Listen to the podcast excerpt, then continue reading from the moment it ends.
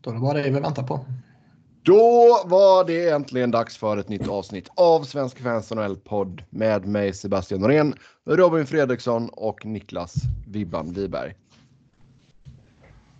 Vi ska ta och gå igenom det senaste som har hänt i världens bästa hockeyliga. Vi har en hel del nyheter att snacka om faktiskt denna gången. Eh, och sen ska vi även ta upp era lyssnarfrågor. Som vanligt stort tack till er som har skrivit in.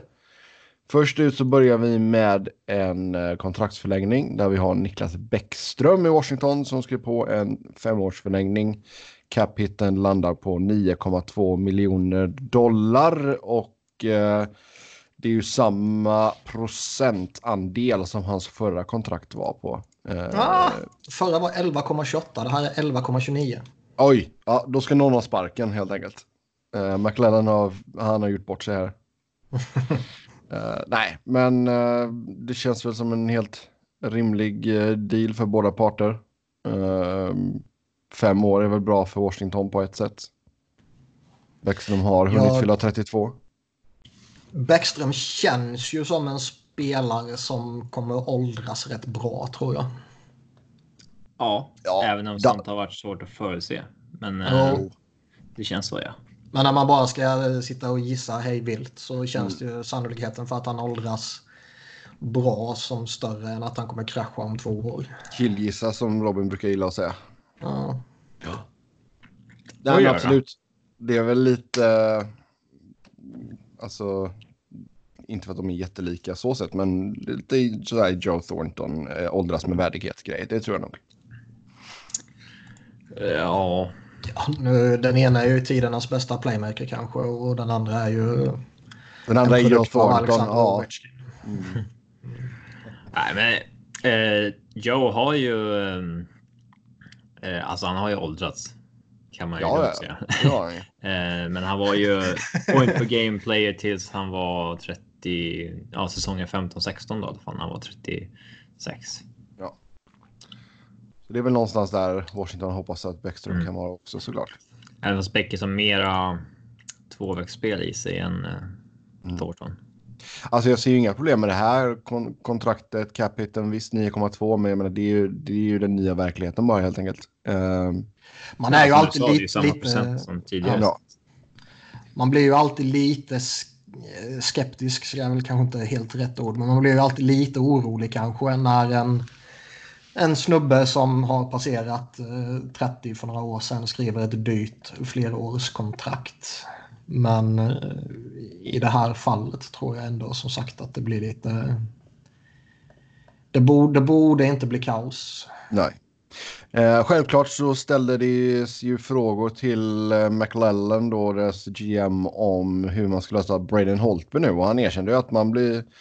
Man kommer bli tvungen att trolla med någonting ifall man ska ha kvar Braden. Det är en blessing in the sky om man inte kan ha kvar honom också. Det tycker jag. Ja, han lär väl inte ta ett femårskontrakt.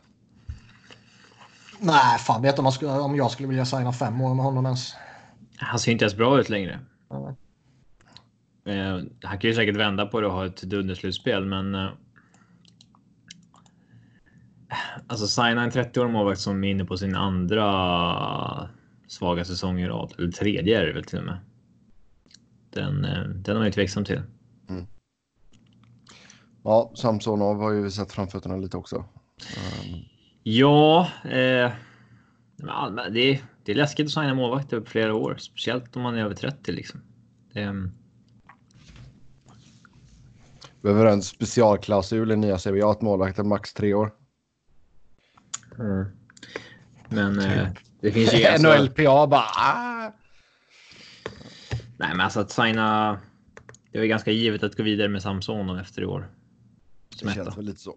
Det känns ja. lite så. Men ska man försöka... Alltså finns det någon marknad för Holtby redan nu? Nej. Man ska aldrig släppa honom nu för uh, de är givetvis i ett läge där de kan vinna kuppen. Mm. Och säg att man går in i slutspelet med Samsonov som första målvakt om vi leker med den tanken. Och han inte alls går bra de första matcherna. Så är det rätt skönt att kunna ha Braden Holtby som backup-alternativ istället för Phoenix Copley. Ja. Det ska man komma ihåg att de... Eh, Liknar de vann cupen. när de vann kuppen så gick de in med Grubauer som etta. Mm. Som petade honom mot Holtby. Ja, som kom in och gjorde det bra. Yes.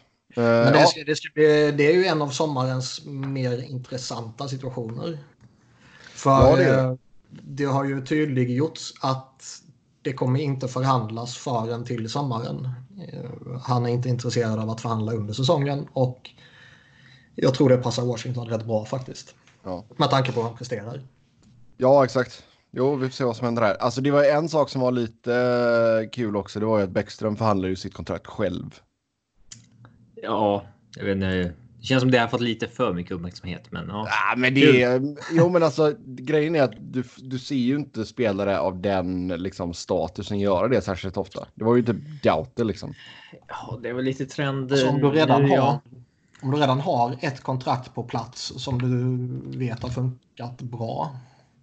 Och det enda du vill göra är att byta ut några siffror. Ja.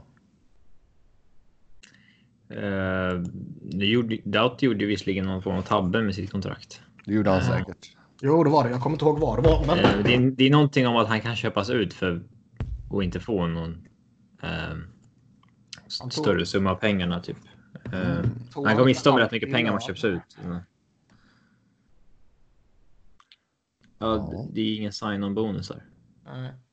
Från och med 2023. Um, men ja. Ja, men det är bra. Då vet vi det. Drew Doughty köps ut 2023. Um, eventuellt. Eventuellt. V vad ska, om inte lönetaket skjuter i höjden till sommaren, vilket det förmodligen inte kommer göra. Alltså jag menar med liksom 8 miljoner. Utan det kommer att bli några miljoner som, som vanligt. Men om inte det sker så ser man ju få scenarion där de kan få plats med Holtby. Det krävs ja. i så fall att de dumpar iväg typ TJ Oshie. Mm. Och det är nog inte helt enkelt. Nej, Leffe har ju fem år kvar på sitt kontrakt på 575. Och visst, 575 är inte vad det brukar vara, men det är, det är ganska mycket pengar för en... Vad, vad, när fyller han 34? Han fyller 34... Ja, han fyller, han fyller dagen innan julafton. Okay. Mm. Han är nyss, nyss fyllda 33. Och visst, han är ju inte klappkass nu, det är inte det jag menar. Nej, men, nej. Uh, men han har ju aldrig varit särskilt på... bra. Alltså nej. han har ju varit en 50 55 poängspelare. Han, hans rykte har ju alltid varit bättre än det är så att säga. Mm. Uh, och när han då började. Ja, TJ Sochi. ja. Uh, nej, men liksom så här skicklig spelare liksom allmänt, men. Uh, han är ju snyggt jag tror han varit på 60 poäng en gång. Uh, när man då när man då börjar tappa, då går det ju rimligtvis neråt. Uh, jo, då... exakt. Och han har ju, ska vi se, fram till 2021 så har ju han en modified där han får skicka in 15 lag på sin no trade list. Uh, annars är det väl typ Dimitri Orlov. Uh, 5,1 sitter han på. Fast... Ja, men helt plötsligt är backbesättningen eh, Jo, exakt. Or Orlov behöver du så... Han betalar ju väldigt mycket för sitt djup också. Ja. Mm. Alltså 2,75 för Karl Hagelin. Eh, det är bra, men han har gjort tre mål på halva säsongen. Mm. Hur har det gått för uh, Panik? Richard Panik. Eh, fem plus fem. Ja. Garrett Hathaway också. Vad fan gör han på ett liksom flerårskontrakt på 1,5? Mm. Ja. ja, och sen så snackas det ju också då såklart att man ska börja förhandla med Alexander Ovechkin i sommar. Uh, Bäckström sa att han skulle ringa och tjata på honom. Uh, och uh, ja, Ovechkin gick ju förbi Mario Lemieux och uh, tangerade Steve Eisenman i tidernas skytteliga. Uh, ja, fortsätter ju och göra gott om mål. Robin, har du bettat din lägenhet än eller? På att han ska slå Gretzkys målrekord? Nej, jag tänkte lägga ett bett på det nu, men eh, spelet är nedplockat från Betsson så jag får... Eller från en eh, unnamed spelsajt. Eh, så att jag... Jag får be dem lägga upp den igen om jag ska göra det. uh, Ja, det är bra. Uh, jag såg nämligen på Twitter där att du höll på lite. Uh... Ja, jag tänkte lasta rejält på riktigt. Jag gillar också att du skriver det. Jag tänkte lasta rejält. ja, jag ska. Upp den igen. Ja. Vad ligger, vad ligger oddset i? Det var på 45 gånger pengarna. 45 gånger pengarna på att han tar det? Mm. Ja. Det är ganska bra. Det är ju fan värt att köra på det då. Mm. Ja, det kanske är... Eh, en hunka. Jag, jag bedömer det som... Nej, rejält.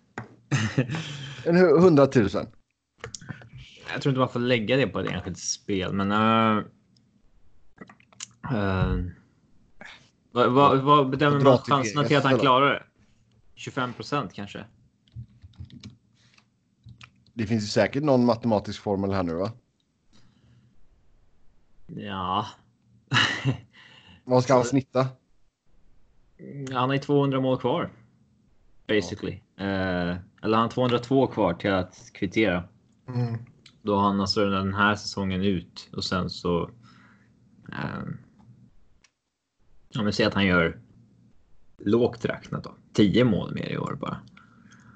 Eh, landar på 44 så. Ja, där är 190 kvar. Behöver man göra 50, 50, 40, 40 och 10. Um, det hänger på att han spelar som sagt. Jo. Och att vi inte får en lockout. Ja. Ja, det skulle ju faktiskt kunna sätta rejäla käppar i, i hjulen där. Men det, samtidigt känns ju han som en spelare som, och, och, även om han börjar bli gammal och så länge kroppen håller och han känner att han är i närheten. Så skulle han känns kunna han... lira på ren djävulskap. Ja, liksom. ja, exakt. Han sa ju i somras någonting om att ah, jag vet inte hur länge jag spelar. Jag vill liksom inte förstöra kroppen helt för jag vill kunna liksom spela tennis med min son och sånt där. Liksom. Sen, sen sa han också att jag ska slå rekordet, sen ska jag sluta dagen efter. Ja.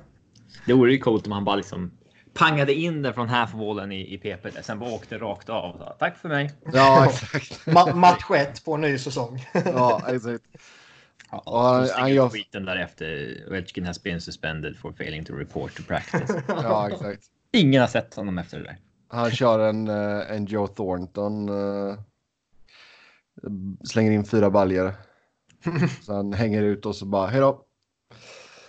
Så visst. Uh, nej, men det känns väl som att för några år sedan så kanske han själv kände att äh, det här går nog inte. Men nu måste han ju fan ha fått blodad tand alltså. Det... Ja. Och det är ändå så kul att det, kän, att det ändå så känns som att det är någorlunda rimligt. Visst, det, det har varit massa statistik om att ja, spelare över 35 års ålder har inte gjort så många mål tidigare och bla bla bla bla. bla. Men. Pratar nu om den bästa nu, i historien också. Exakt. Nu är, inte Alex, nu är inte Ovechkin liksom din, din average mid 30s uh, forward liksom. Så. Um, mm. Har ju... Nej, det, det ska bli kul att följa. Gretzky, Gretzky och Ovechkin har ju båda 217 mål efter 30 års eh, födelsedagen just nu. Mm. Men Gretzky gjorde det på 640 matcher och Ovechkin på 373 matcher. Eh, så alltså, efter 30 var ju eran i Gretzkys karriär när det liksom började bli svårare att göra mål igen. Ja. Eh, eller igen. Eh, ja, och hans peak var väl av också. Ja, Exakt, men sen så. Ja, det var. Det var väldigt bra om man gjorde 100 poäng. Det var inte 200 poäng som var gränsen längre. Nej, exakt. Nej, nej, det ska bli jävligt kul att följa detta faktiskt. Uh, och vi får väl se där och lasta rejält. Robin kan få in no någonting då. Mm. Nej, vad fan. 45 Bjuda mig och Niklas på en fin jävla... whisky var. Ja, då ska jag ju betta också givetvis. Niklas bara, jag vill ha betalt i whisky. ja. Nej, men lägger du 3000 spänn så får du ju liksom 150 lax. Mm, det är inte dåligt. Nej, det är ju värt att göra. Ja. Yes. Uh... Uh, ja. Vi tar väl och går vidare. Uh, Tror ni... Ja, okej. Okay. Det gör vi inte alls. Nej. Tror ni han har 25 mål i sig resten av, eller den här säsongen ut? 25 mål till? 25 mål till. 20 har han i alla fall tror jag. Han har ju 34 och 49 matcher, men det rimliga är att han landar någonstans, någonstans runt 50 igen. Mm. Mm. Men gör han 25 så går han hela vägen upp och eh, tangerar Phil Esposito på sjätteplatsen. Mm, det är helt okej. Han har ju två mål från Mark Messier och det tror jag han kommer klara denna säsongen. Och sen så ja, Michael Gartner på 708 mål lär han ju klara också. Ovechkin har ja. 692. Sen har Phil Esposito nästa på 717. Ja, det känns väl som att Esposito, det ligger ju i farozonen så att säga. Eller inom... Jag tror det... Jag tror det ska jävligt mycket till om man ska göra 25 baljer på andra knappt hälften av säsongen här nu. Men ja. är det någon det är som bara... kan göra det så är det ju han liksom. Det är ju bara alltså Ovechkins rekord som känns eh, som är svårt. Alltså egentligen. Resten bör han ju faktiskt ta. Vad sa du nu? Espositos menar du? Ja, men han bör ju ta... Sa Ovechkins rekord? Men du menar Gretzkys? Ja. Ja, ja, ja. Han borde ta alla andra menar du? Ja. Uh, ja. Ja, tar han sig inte över Gordie Howe på 801 så har han ju förmodligen fått sluta i förtid på mm. grund av någon oförutsedd anledning. Mm. Jag kan jag rabbla den lite snabbt bara. Gretzky då etta, 894. Gordie Howe tvåa, 801. Jager trea, 766. Brett Hull fyra med 741. Marcel Dion 731 och sen då Phil Esposito 717. Mm. Men Esposito känns väl som att det skulle han nog kunna klara av och tangera denna säsongen. Uh, det tror jag nog. Så yes, då tar vi och går vidare. Kanske. Vi, eh, ja, det slog väl ner lite som en blixt från klar himmel när Vegas Golden Knights eh, meddelade att man hade kickat Gerard Galant och ersatt honom med Peter DeBoer, något som inte uppskattades av många Vegas-fans med tanke på att han har varit i Sharks tidigare. Men vilka Vegas-fans? Vilka höll de på för tre år sedan? Då? Alltså de, de har fått, alltså jag kan säga det att den eh, tanten som jag åkte lyft med i Vegas. Eh, där kan man snacka om en snabb hockeyfanatiker. Hade aldrig varit på en hockeymatch innan Vegas eh, fick ett lag. Nu är hon på varenda jävla träning. Ändå blir det sjukt hype där. Alltså det är helt skadat. Alltså hon är besatt. Uh, så kudos till henne liksom för att vara så engagerad. Men de har fått ett starkt följe jäkligt fort och liksom Sharks har ju blivit deras rival uh, med tanke på vad som hände i slutspelet. Så uh, de var inte glada över att det var DeBoer som kom in. Plus att det var många som var lite frågande till varför det var varför Galant fick sparken liksom. Men det är väl den stora frågan. ja, och de, de säger ju att det enbart var resultatbaserat liksom. Och ja, återigen... men då förstår man ju inte sig på sporten. Det absolut roligaste av allting är ju att de kan själva inte eh, motivera det utöver att de typ har en feeling. Ja. Och visst, man, man ska inte avfärda fingertoppskänsla som någonting helt obetydligt. Men jag skulle ju inte definiera det här som fingertoppskänsla. Nej. Uh, hur har deras målvaktsspel varit i år? Är det den här klassiska målvaktsspelet har varit lite för dåligt och därför ja, tränaren sparken? Ja, man ligger väl typ så här tvåa i expected goals, liksom differential. Och eh, sen har sista månaden har väl målspelet varit så här sämst i ligan. Och då får tränaren gå. Ja. Det är ju parodiskt faktiskt. Mm. Eh, och man ligger inte ens pyrt till. Alltså... Nej, nej, nej. Alltså Pacific är ju stenhård. Du har ju Vancouver som etta just nu då när vi gick in i breaken. 58 ja, poäng. men det är ju ingen som är på liksom helt säker mark. Alltså. Alla kan ju missa eller ta sig dit fortfarande i princip. Alltså. Alltså jag hade väl räknat bort Kalifornien-lagen. Det hade jag nog. Men förutom Kanske det. Kanske Detroit också. Ja. Ja, men om du kollar i Western alltså. Ja, Nej, men de är, de är liksom, de är, eh, vad var de? De är med där som alla andra. Liksom. Det...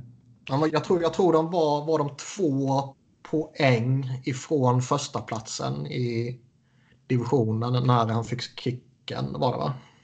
Något sånt. Eller tre. Jag tror det var två eller tre. Ja. Och det är liksom...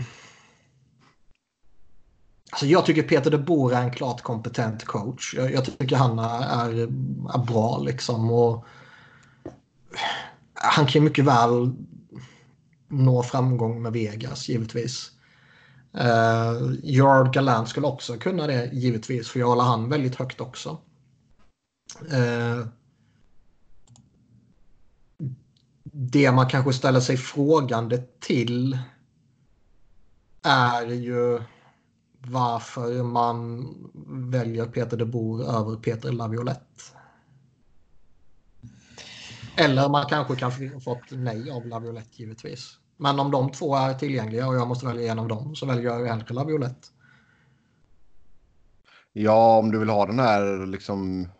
Du vill ha den här omedelbara effekten liksom. Så absolut, då är det bra att Laviolette kommer in och kolla på den. Mig. Jag, jag gillar honom skarpt. Men, men liksom, jag, jag, tycker ändå jag håller honom högre än De Boer. Ja. Ja, det borde ju lägga... högre än båda. Ja. Det kan nog vara villig att hålla med om. Det skrevs det var... en rätt bra summering om allting på, på sajten faktiskt. Där vår Vegas-skribent... Eh... Vilka höll han på för tre år sedan? Vegas.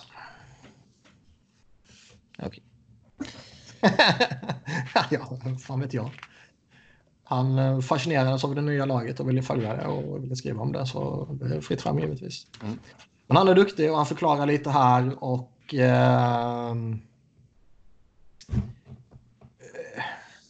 den här eh, sexårsplanen som de gick, vad fan ska man säga, in i sin existens med. Ja, McPhees stora plan. Ja, den misslyckades ju han kopiöst med. Mm. Och nu, ja. vad har man fått för självbild nu? Ja, men liksom att det här man, man skulle samla på sig uh, pix som man skulle bygga internt. Och så här. Det, det har ju slängts ut genom fönstret. och uh, Många prospects och picks har ju skickats iväg för att ta in uh, färdiga spelare. Och det kanske är oundvikligt att man gör så när, när, det, när det har gått som det har gått så att säga. Mm. Och det är inga dåliga spelare de har tagit in med Stone och Pacioretty och Stasny och så här. Men de har ju gått från en initialt långsiktig plan till att tänka lite mer kortsiktigt. Sen om det är rätt eller fel är väl en annan diskussion. Men så är det ju de facto liksom. Jo, exakt. Och då menar man väl på att Galant inte är coachen som gör det. Nej. Utan man vill ha någon som ska gå in och vinna här och nu. Och då är ju beslutet att ta Peter de Boer över... För låt oss för argumentationens skull säga att det faktiskt är så med Galant. Han är inte den. Nu tror inte jag det, men låt oss för skojs skull tänka så. Mm. Då blir det ju än mer parodiskt att man väljer de Boer över Laviolette, anser jag. Jo. Kan det här vara en liten uh, blessing för Seattle också, kanske? Skulle inte Galant vara en bra första coach där då? Med tanke på att han har varit med om detta nu. De har ju många alternativ nu, kan man lugnt mm. säga. Det finns många uh, bra tränare. Sen fascineras jag också över hur, uh, hur man straffas för att vinna som coach. Alltså att man liksom inte köper sig förtroende genom att ha en bra, en bra säsong eller så, utan att det innebär bara egentligen att förväntningarna skruvas upp och du förväntas leverera på samma nivå med liksom ännu mindre tålamod. Mm. Man uh, wins a lot, consistently exceeds expectations, gets kicked out of Las Vegas. Som de skrev på Twitter. Mm. Det är så det funkar i den stan. Jag menar, hade man inte gått till... Uh, hade man missat slutspel i fjol, då hade man kanske haft kvar Galant nu. Liksom. Ja. Uh, Ja, det är mycket sant. Men... Alltså, han fick sparken redan då för att man var, råkade gå till final innan mm. dess. Det vet vi inte. Tror ni Vegas pröjsade taxi till honom? Ja, ja det får vi hoppas. Man lärde sig av Carolina. Florida? Nej, Florida, förlåt. Skärp dig. Um... Skärp dig. Nej, men det... man, man är... Man, man, blir ju, i och med att han säger här liksom att uh, it wasn't a specific, specific block of games, more just a feeling that a change might be needed. I wish I could be more specific. Ja. Får jag, ändå, får jag antingen tro att det är någonting sjukt som har hänt som de inte kan säga. Eller att det bara är en ganska inkompetent management. Mm. Jag har ju rapporterat sen i efterhand att det här är 100% sportsligt. Det ligger ingenting annat bakom. Mm. Uh, skulle det legat något annat bakom så skulle det kommit fram nu med tanke på att det var en dryg vecka sedan det, det här skedde. Liksom. Ja. Men... Uh,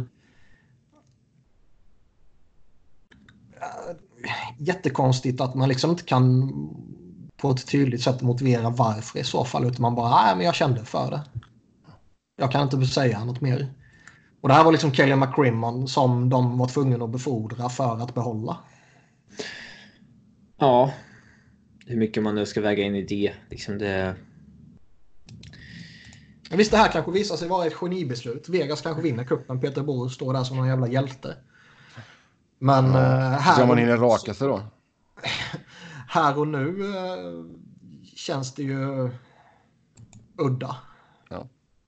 Ja, nej, De Boer hade ju legat på någon strand där eller vad fan nu var poolen någonting när han fick samtalet. Eh, såg lite så här halvgött sleten ut under sin första presskonferens. eh, han, som han bara, ah, okej okay, jag sätter mig på planet direkt. Jag tror hans plan blev inställt till och med så han var tvungen att. Han kom för sent och skit och grejer. Så, ja, intressanta grejer. Um... Men det skulle ju vara så jävla typiskt nu att uh, under andra delen av säsongen här så hittar Flurry tillbaka och spelar normalt igen och plötsligt lyfter Vegas och sen kommer alla hylla Peter de Boer. Ja. Var... Så ska man, ta, ska man ta över Vegas så tror jag det här kan vara ett väldigt tacksamt tillfälle att göra det man har ju sin, sin forwardsbesättning där i alla fall toppen håller jävligt fin klass och jag tycker väl ändå djupet är dugligt liksom. Mm. Försvaret är ju vad det är. Uh, det finns ju fortfarande typ bara en och en halv eller två bra backar men ändå så funkar skiten. Men får man bara ordning på Fleury så det är klart att den här säsongen kan bli jättebra. Ja. Yes. Ha, och han är 35. Det är ju inte så att han är 38. Det är Nej, exakt. skillnad där. Nej, man är 35 och siffrorna har varit i botten i år. Det, det kan... Eh, det, det, kan ju också vara så att... Nej, det kan ju vara början på slutet givetvis. Men, men jag menar liksom det, man skulle ju vara mer orolig om han skulle vara 38 och det skulle se ut så här än om han är 35. Mm. Ja, så är det Absolut. Ja, då tar vi och går över till lite Carolina-nyheter då. Uh, Doggy Hamilton långtidsskadad först och främst. Och det gör att man uh, sägs vara intresserad av Jonas Brodin. Hamilton självklart uh, tungt tapp för dem. Men är jättetungt. Är Brodin liksom en... Uh... Vad är man vill ersätta då så att säga? Jag tror att det här ryktet hade sipprat ut innan skadan. Så jag tror inte att det är en effekt av skadan. Mm. Om jag man har ju redan fem topp fyra backar. Ska man ha en sjätte? Man vill ju, alltså det har ju ryktats hela tiden att man kan tänka sig att släppa någon. Uh, Jake Gardner har vi pratat om tidigare till exempel. Ja. Så det kan ju vara att man man vill göra någon rockad där bara. Mm. Ja, är... Tappa Dogge Hamilton nu, det är ju jättetungt. Han har varit en av ligans bästa backar och, och helt klart ett... Ja, fram till nu var han ju ett Norris-alternativ för många tror jag. Mm. Oh ja. Är han borta säsongen ut så är väl den förhoppningen död rimligtvis. Men uh, tror man att man kan åstadkomma någonting så kan man ju absolut se att de går efter någon annan back och boostar upp laget. Alltså jag hade ju gärna sett att man gav uh, Jake Bean en chans. Men ja, det är ju sen, ett oprövat. Sen är ju de, de är ju svårt läge också. Jag menar de har ju sista wildcard-platsen nu. Mm. Det är ju inte Ja, en, men inte på så toksäker mark. Man måste ju... Det vore liksom en lite spark i skrevet på hypen om man skulle slinka utanför slutspel i år igen. Sen undrar man ju, alltså, att man är där lite precis på gränsen. Är, ska, borde det resultera i att man ska satsa eller att man inte ska satsa? Ja, I fjol låg man ju på samma ställe. Så att... För jag tror Brodin, om man tar honom där till exempel, så nu tror jag givetvis inte han kommer kosta, alltså, kosta sjukt mycket. Men han kommer ju kosta tillräckligt mycket för att det ska vara kännbart om det inte blir lyckosamt. Mm. Han är ju duktig. Han är ju lite sådär sneaky bra. Men... Uh,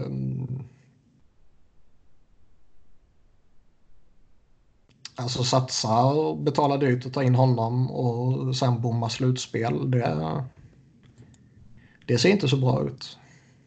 Nej, verkligen inte. Så ska man då eh, chilla lite och tro det löser sig internt och inte ge upp picks och prospects, vilket man väl får anta är vad Minnesota vill ha. Mm. Nej, svårt läge. Ja, faktiskt. Men det är en månad kvar till trade deadline och om en månad kan saker givetvis se helt annorlunda ut. Mm. Sen är vi... Säker mark eller så har man halkat efter eller så ligger man kvar och balanserar på gränsen. Ja. Sen när vi ändå är inne på Carolina så Erik Haula ska ha en ganska halvtaskig relation med eh, Rob Brendamore då deras personligheter inte ska funka tillsammans. Känns ju som att Brendamore är inte någon man vill ha på sin uh, dåliga sida. Rod the Bod ska man inte bråka med nej. Nej. Sen är det ju... Det var ju några veckor sen som hans eh, fru eller flickvän eller vad det nu är fick missfall tror jag det var. Så det kan ju finnas lite sådana saker som kan spela in i både hur man presterar på isen men också hur oh, man för sig, uppträder sig och så att säga. Det är nog en liten grej som kan göra en lite disträ kanske. Ja, för jag tycker det, alltså rent produktionsmässigt så har han inte varit dålig. Nej, och jag menar visst han har väl missat några matcher här och kanske är en skadedrabbad spelare och sådär men jag tycker ändå det är en, en duktig spelare och skulle han vara på marknaden så borde det finnas ett intresse för honom i synnerhet som han är pending UFA. Ja. det är en spelare som jag personligen mycket väl skulle kunna tänka mig gå efter i så fall. Om du vill boosta upp din middle six på något sätt. Ja, absolut. Och det är ingen jättejobbig capital 2,75. Nej, det kan de flesta på något sätt lösa. I synnerhet senare mot säsongen. Så det kan vara ett intressant namn att hålla koll på inför trade deadline faktiskt. Yes.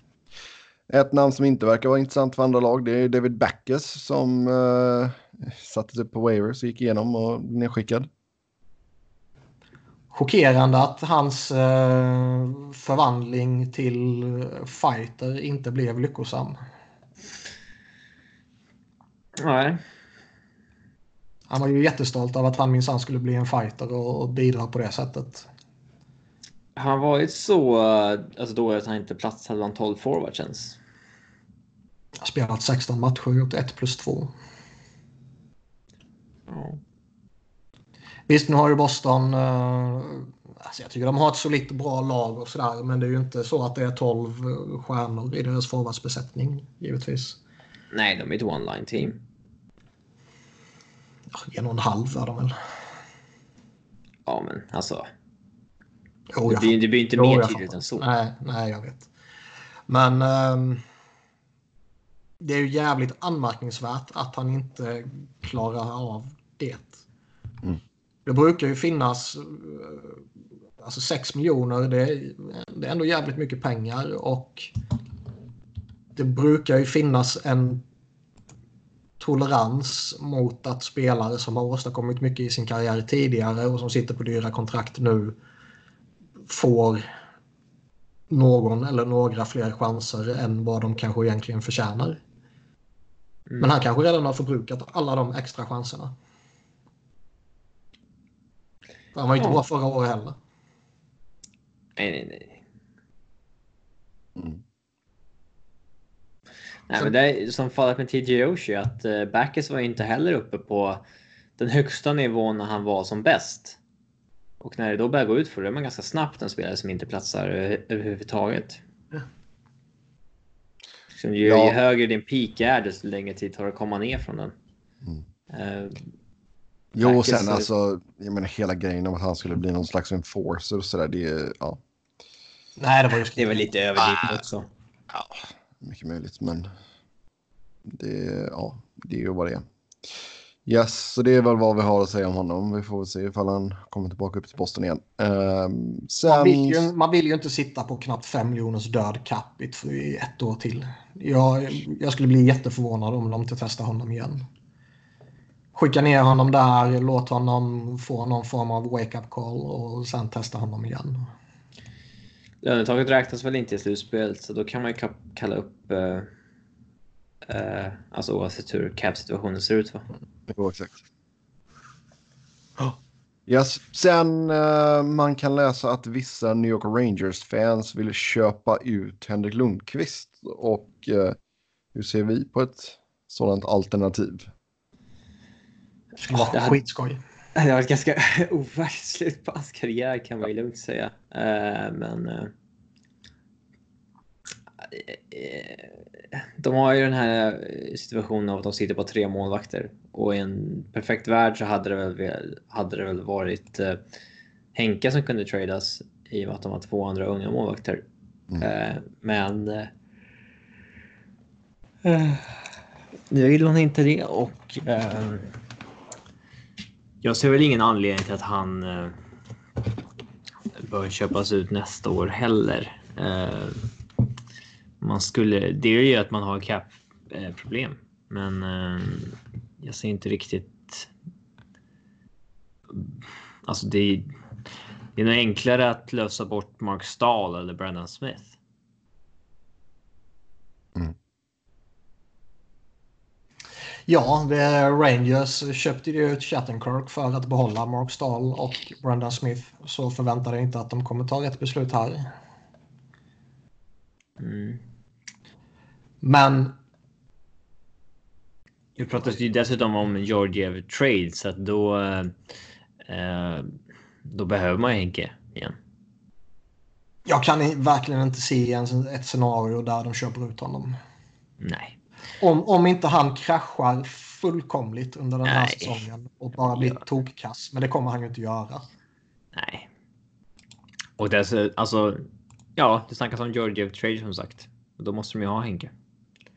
Mm. Eh, Däremot så är det lite, lite intressant här mot slutet där han har fasats ut lite. Och där det är ryssarna som har fått spela. Mm. Han mestadels har suttit på bänken i Ja, om det är delar av januari eller hela januari eller om det började lite i december, det minns jag inte. Men det har ändå varit några veckor nu. Och det, kommer han, det är han ju inte glad över, får man ju vill man ju inbilla sig. Hur tror ni han känner på en träning när det står? Ja, när han är tredje målvakten så att säga. Ja, alltså att, det är ju en eh, helt, alltså det är ju inte någonting han är van vid, så absolut. De två klart. står i varsitt mål, han står i sidan och väntar på att någon av dem ska vilja byta. Ja. Då, då mår han nog inte så bra. Nej. Såg ni att Dreger skrev att uh,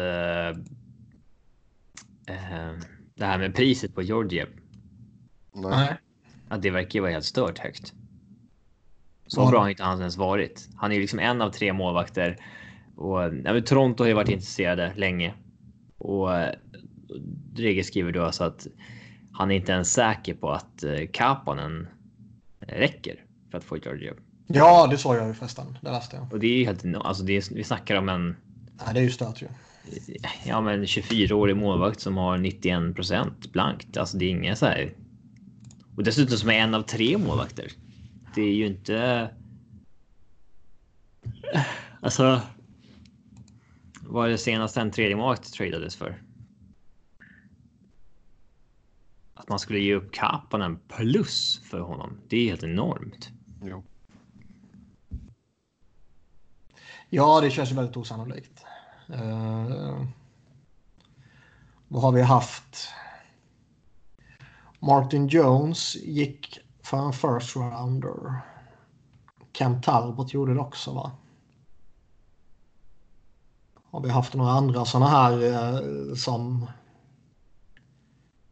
har eh, varit fast bakom en etablerad veteran och ska söka sig vidare. Ranta. Mm. Kostar något liknande va? Grobauer. Mm. Men alla Men det känns ändå som att alla de bättre, känns... Ja, exakt. Hade ju bättre siffror än uh, vad Georgiev har. Mm. Ja. Ja, det känns som att uh, ja, Karpenen plus. Nej tack. Då ska man ju bara säga nej från Torontos sida såklart. Ja, då um, håller man Samis pojk. Ja. Uh, snack om att Philadelphia har undersökt möjligheten att plocka in Jeff Carter. Ja, det vore kul. Det vore jätteroligt. uh, han har återigen påpekat att han inte vill lämna LA. Men att han tyckte det var skoj när han spelade i Flyers förra gången. Ja. typ. Men då borde han ju ha sett till att han hade en uh, no trade clause eller no, no movement clause i sitt kontrakt. Det snackas ju lite om att uh, både han och Richards hade fått löften om att de inte skulle bli bortbytta och sen blev de bortbytta. Och det kan man ju tycka vad man vill om att antingen så är det inte schysst av uh, Homer att ge löften och sen bryta löften. Eller så är det naivt att tro på sånt snack i den här ligan. Ja, det är en väldigt naivt. Jo. Men uh, oavsett vilket så det var ju lite saker som hände där. Bruskalov och hela den skiten också. Men jag är liksom...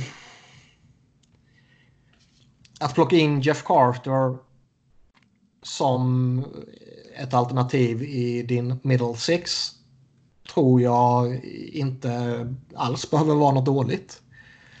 Han kan vara både center och winger och jag tror fortfarande han kan vara en, en duglig målskytt. Det är väl inte realistiskt också sett till lönetak och sådär eller? Vad sa du? Hur ska man få in hans cap hit? Det är väl bara för Kings att behålla hälften. Ja, men det räcker inte ens nästan. Nej, Flyers är supertajta. Var inte de, en spänn. De, nej, de måste typ eh, göra sig av med lika mycket lön som de plockar in. Uh, Okej, okay, då ska vi se. Vem ska de få tillbaka typ då? Ghost, liksom. Ja, tack. Och Den det... tar ju alla dagar i veckan. Ja, det gör ju inte jag. Alltså Jeff Carter. Ja, men som... okej, okay, men vi säger så här då. Jeff Carter och så krydda lite. Vad har ni som jag vill ha då? Det är ju en bra fråga. Måste det vara någonting mer som inte kostar någonting? Ja. Ja, en prospect. En prospect. Uh, vill ni ha någon som varit skadad mycket? Nej, jag vet uh, inte. Det hade väl varit någonting. Men liksom ge mig typ Turcott eller Kupari också, så visst. Ja, men det kan du ju fetglömma. eller något sånt där. Men det känns ju ja. inte aktuellt. Nej. Eh, skulle Carter varit pending UFA du kan då skulle kunna hugga honom direkt. Men nu med ytterligare två år kvar. Uh, ja, jag vet fan alltså. Mm. 35 bast, han har tappat ett steg, han vill egentligen inte flytta.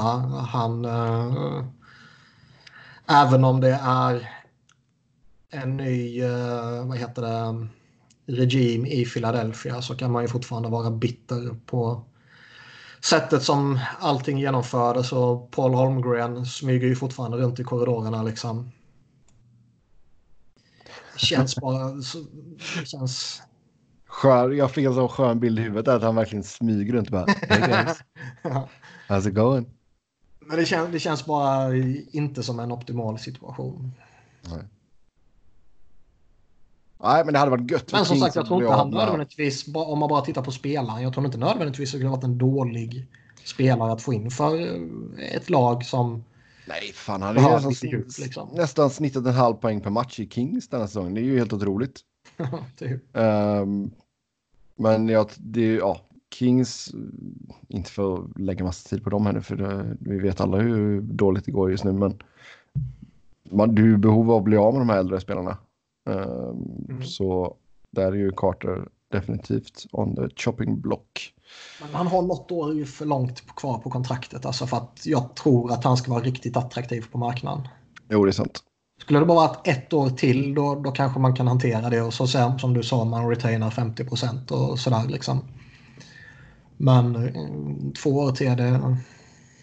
Ja, det kan ja. eventuellt vara problematiskt. Ja, det är sant. Sen när vi ändå är inne på Philadelphia så har eh, maskoten Gritty blivit anklagad för misshandel. Eh, Niklas, du får dra den här backstoryn alltså. Misshandel är väl eventuellt ett starkt ord. Ja, men, men det, det, det, är ju rubriceringen liksom. Jo. Men det är ju en, en pappa till en 13-årig grabb som har anklagat Gritty och märk väl, han har anklagat karaktären Gritty. Han har inte anklagat personen i Gritty-kostymen. Kostym, nej, nej. Så att säga. Och alla tidningar rapporterar bara om Gritty som om Gritty är en riktig person kan man inte säga, men varelse. Ja.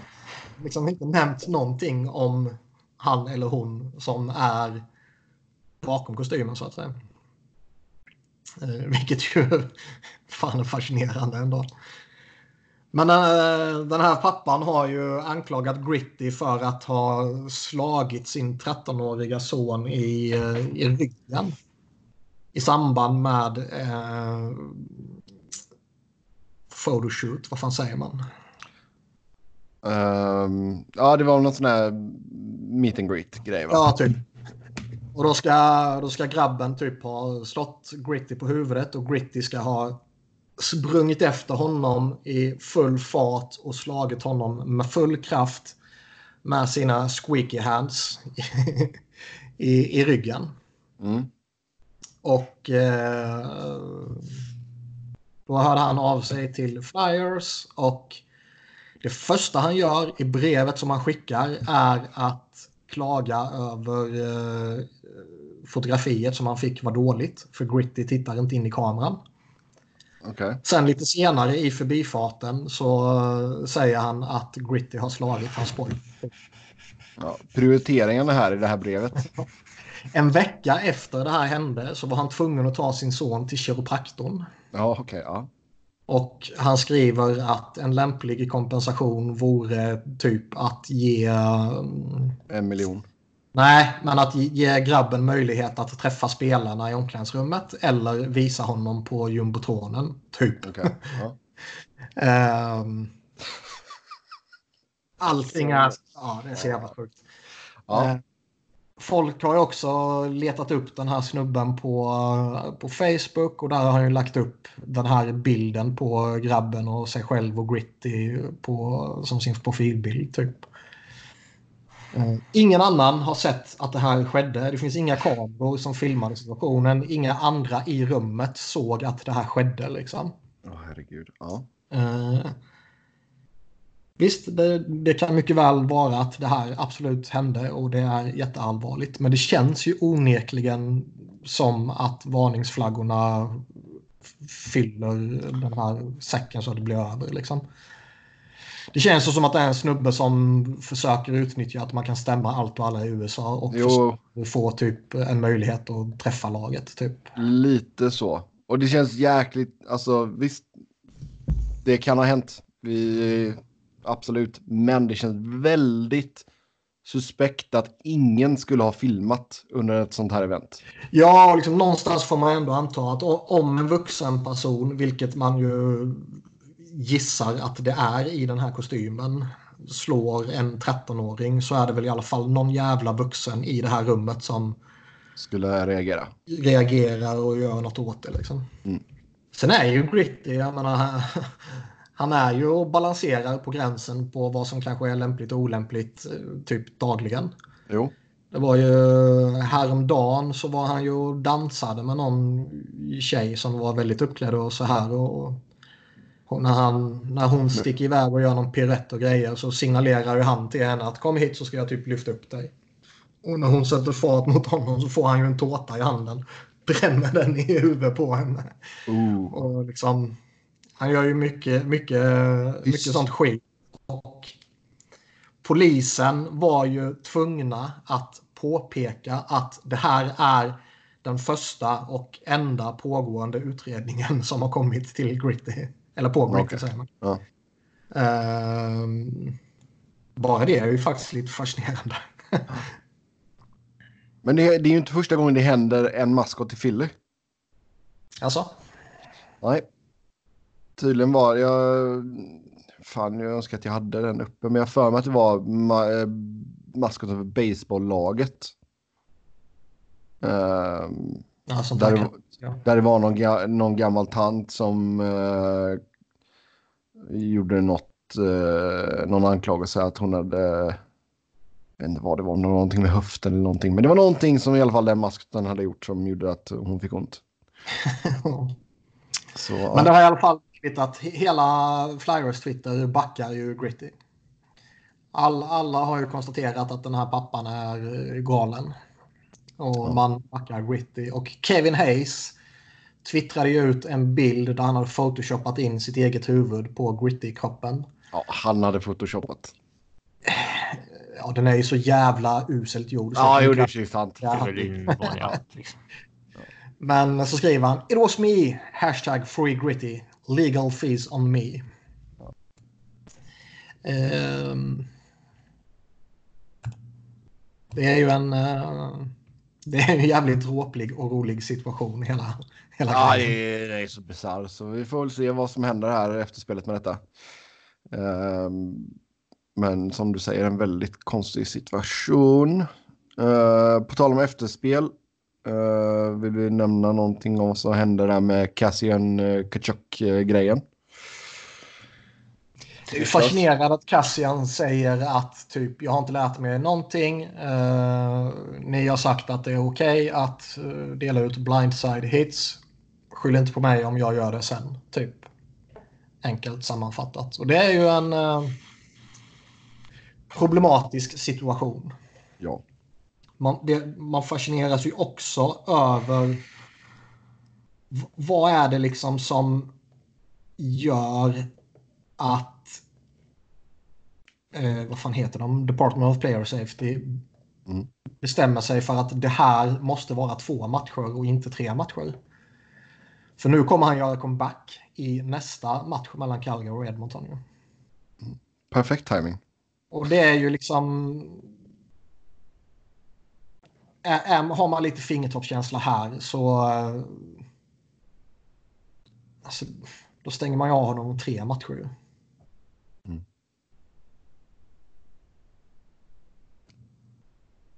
Jo, men vi snackade om fingertoppskänsla förut. Ja, nej, det finns ju bevisligen inte.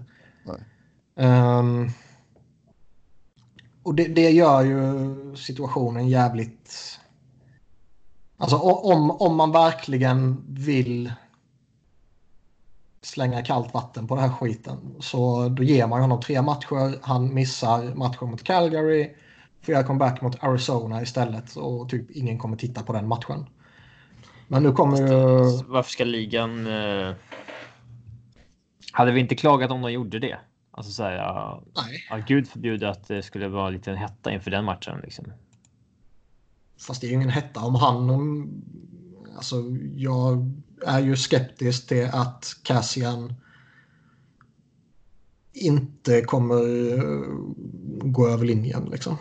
Ja, nu vill jag ju ha oddsen på att Cassian gör någonting som gör att han kommer bli avstängd igen. Det vill jag betta på. Alltså, han har ju mer eller mindre hotat med att han kommer gå efter uh, Edmonton-spelare. Uh. Ja. Ja, det är visst. Calgary-spelare menar jag. Han bara, jag är så arg så jag går på mina egna lagkamrater här nu. För att inte göra något vettigt. Ja. Men, men alltså det är... Man bara undrar varför de bestämmer sig för att det här ska vara två matcher. Han får göra comeback mot Calgary istället för tre matcher. För det skulle vara så enkelt och, och, och liksom... Alltså, visst, den här matchen skulle ju förmodligen varit het även om han skulle vara med eller, eller inte. Jo. Men man kan ju ta bort ett potentiellt jätteproblem som mycket väl skulle kunna få alltså, katastrofala följder för en Sean Monahan eller Johnny Hockey eller vad det nu skulle kunna vara om Cassian får för sig att gå bananas. Ja. Eller för Chuck, för han kommer förmodligen gå efter honom. Oh ja. Och vi hade ju en situation. Se om man kan hitta alla de tweetsen här där Matthew Perrault för en vecka sedan. Uh, han var ju förbannad för att Jake Virtanen hade delat ut en armbågstackling eh, mot hans huvud och sa Player safety my ass. Uh, now I've got to take matters into my own hands. Next time this happens, I get to swing my stick across his forehead and I shouldn't get suspended. Uh, I'm the smallest guy on the ice, so I can't really fight anybody. The only thing I can do to defend myself is use my stick. So the next guy that does that to me is getting my fucking stick. Ja. Det är ju... Alltså, problemet med att spelare ska ta, ta lagen i egna händer när de tycker att ligan inte kan göra det åt dem, det är att de har en fruktansvärt enögd, ett enögt perspektiv på de situationerna de har varit inblandade i. Ja, ja, alltså givetvis. Men det finns ju ändå, alltså. Det här är ju ändå en, eh, alltså rätt eller fel, tyck vad man vill, men jag tror alla vi tre och väldigt många lyssnare också är tämligen överens om att player, eller Department of Player Safety inte fungerar så pass bra som det skulle, borde kunna fungera. Mm. Ja, fast alla det är en grej som alla tycker borde vara bättre, men sen tycker alla olika om vad de ska göra annorlunda också. Så att... det, det viktiga är ju att eh, lagen själva inte vill ha längre avstängningar. De protesterade när det blev en sån period för några år sedan och då fick de gå tillbaka och dela ut skitavstängningar igen. Stora liksom. boen är ju liksom NLPA som liksom eh, eh, alltid hamnar på den skyldiga sida så fort det... Mm. Eh, och inte på offrets sida när det har hänt någon situation. Nu ska ju Paros ska ju vara på plats på nästa Alberta derby här. Och för att se till så att allting går rätt till. Men vad fan ska han kunna göra uppifrån pressläktaren när Cassian går bananas på isen? Ja, på tal om just Cassian så äh, sägs det att han närmar sig en kontraktsförlängning. Äh, det ska vara fyra år och någonstans mellan 3,25 till 3,5 miljoner i capita. Ja, jag hade inte gett honom det, men. Äh, det är väl liksom. Alltså, han är ju gammal också ska man komma ihåg. Han är ju 29 fyllda och och det finns ju en lite alarmerande historia där också som man jag tycker, alltså det är samma sak när man snackar Robin Lehner liksom. Visst, han kanske har lagt det bakom sig, men man kan inte bara ignorera historien. På samma sätt här med Zack Cassian. Han kanske har lagt det bakom sig helt och hållet, men man kan inte ignorera historien. Jag hade inte gett honom ett längre kontrakt i den åldern. Eh, pengarna är väl inte så jävla farligt, men. Nej. Ja, Eh, uh, tror, ska vi se. Edmonton vill ha en topp 6 forward och då har man blickarna mot Toronto. Och uh, ska vara intresserad av uh, Kasper Kapanen, Alexander Kerfoot och Andreas Jonsson. Uh, tre dugliga alternativ. Ja, det är det givetvis. Och... Uh det är väl kanske väl enkelt att bara koppla ihop att Toronto kanske då skulle överväga någon back. Mm. Edmonton. Ja, speciellt om man kommer att tappa Tyson Berry som sägs vilja ha 8 miljoner på sitt nya kontrakt. Ja, eh, börjar man med om man tar trade-ryktet där så jag vet fan om det är någon i Edmonton som jag skulle vara så jätteintresserad av att gå efter. Alltså. Klefbom och Adam Larsson och Darnell Nurse är ju givetvis jo, men Nurse... klart kompetenta backar. Men Nurse ska ha en löneförhöjning till sommaren. Ja, ja men det känns som att Klef, Klefbom är väl... Uh, jag menar, han ligger strax under 4,2 mille tre år till. Liksom. Det, det skulle de ju kunna klara av. Liksom. Ja, absolut. Och han är ju okej, okay, givetvis. Men... Uh... Ja, han, är inte, han är ju inte den sexiga backen som Toronto kanske vill ha. Jag vet fan om de egentligen vill ha kortsiktigt denna säsongen när de har både Riley och Barry. Men... Nej, kanske inte denna säsongen, men jag säger liksom framöver. Jo, och det är väl ändå... Med tanke på vilket läge de är i tycker jag ändå att de får fan ta säsong för säsong nästan. Ja, nästan. Um... Sen undrar man ju lite hur det påverkar också alltså deras, deras, eh, vad heter det, hur de värderar vänsterback kontra högerback. Mm. Och med tanke på Barrys framtid kanske de vill gå efter en högerback som de har lite, lite täckning där fram, framåt också. Ja. Men han, tittar man bara på, på Barry så Alltså han har ju producerat för att förtjäna ett sånt där kontrakt under ja, flera år. Men, äh, Däremot så kommer de förmodligen ha problem att peta in det. Ja, och det känns som att hans äh, status har ju sjunkit lite av det här livsbytet. Att hans äh, svagheter har exponerats mer och, och så vidare. Um, jag har svårt att se honom få något sånt kontrakt baserat på hur liksom an, hans anseende verkar vara just nu. Han har väl gått bättre efter coachbytet dock.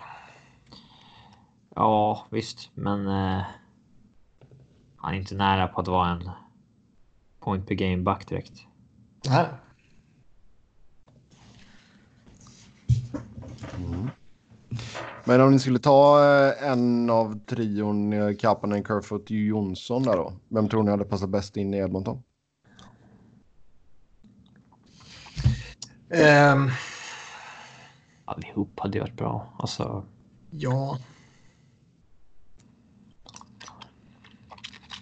Oh. Men Kapanen skulle... är väl bästa spelaren av dem så han är väl mest attraktiv helt enkelt.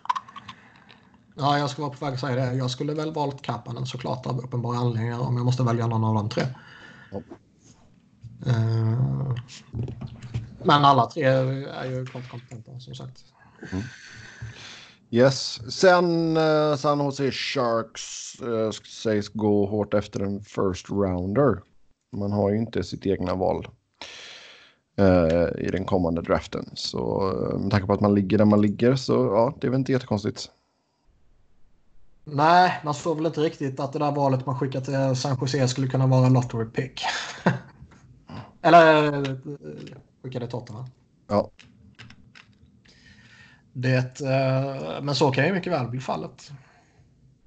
Nu borde de ju kunna resa sig och, och liksom göra en push mot slutspelet. Och, eh, någonstans tror jag ändå den större sannolikhet att man slutar strax utanför slutspelsplatserna än att man hamnar i, i liksom typ topp fem eller liksom strax utanför topp fem sådär bara.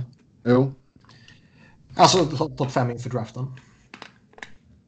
Men eh, det går ju inte att utesluta. Och det är ju jobbigt som fan att ha en sån säsong och sen stå där inför draften utan att ha ett pick. Ja.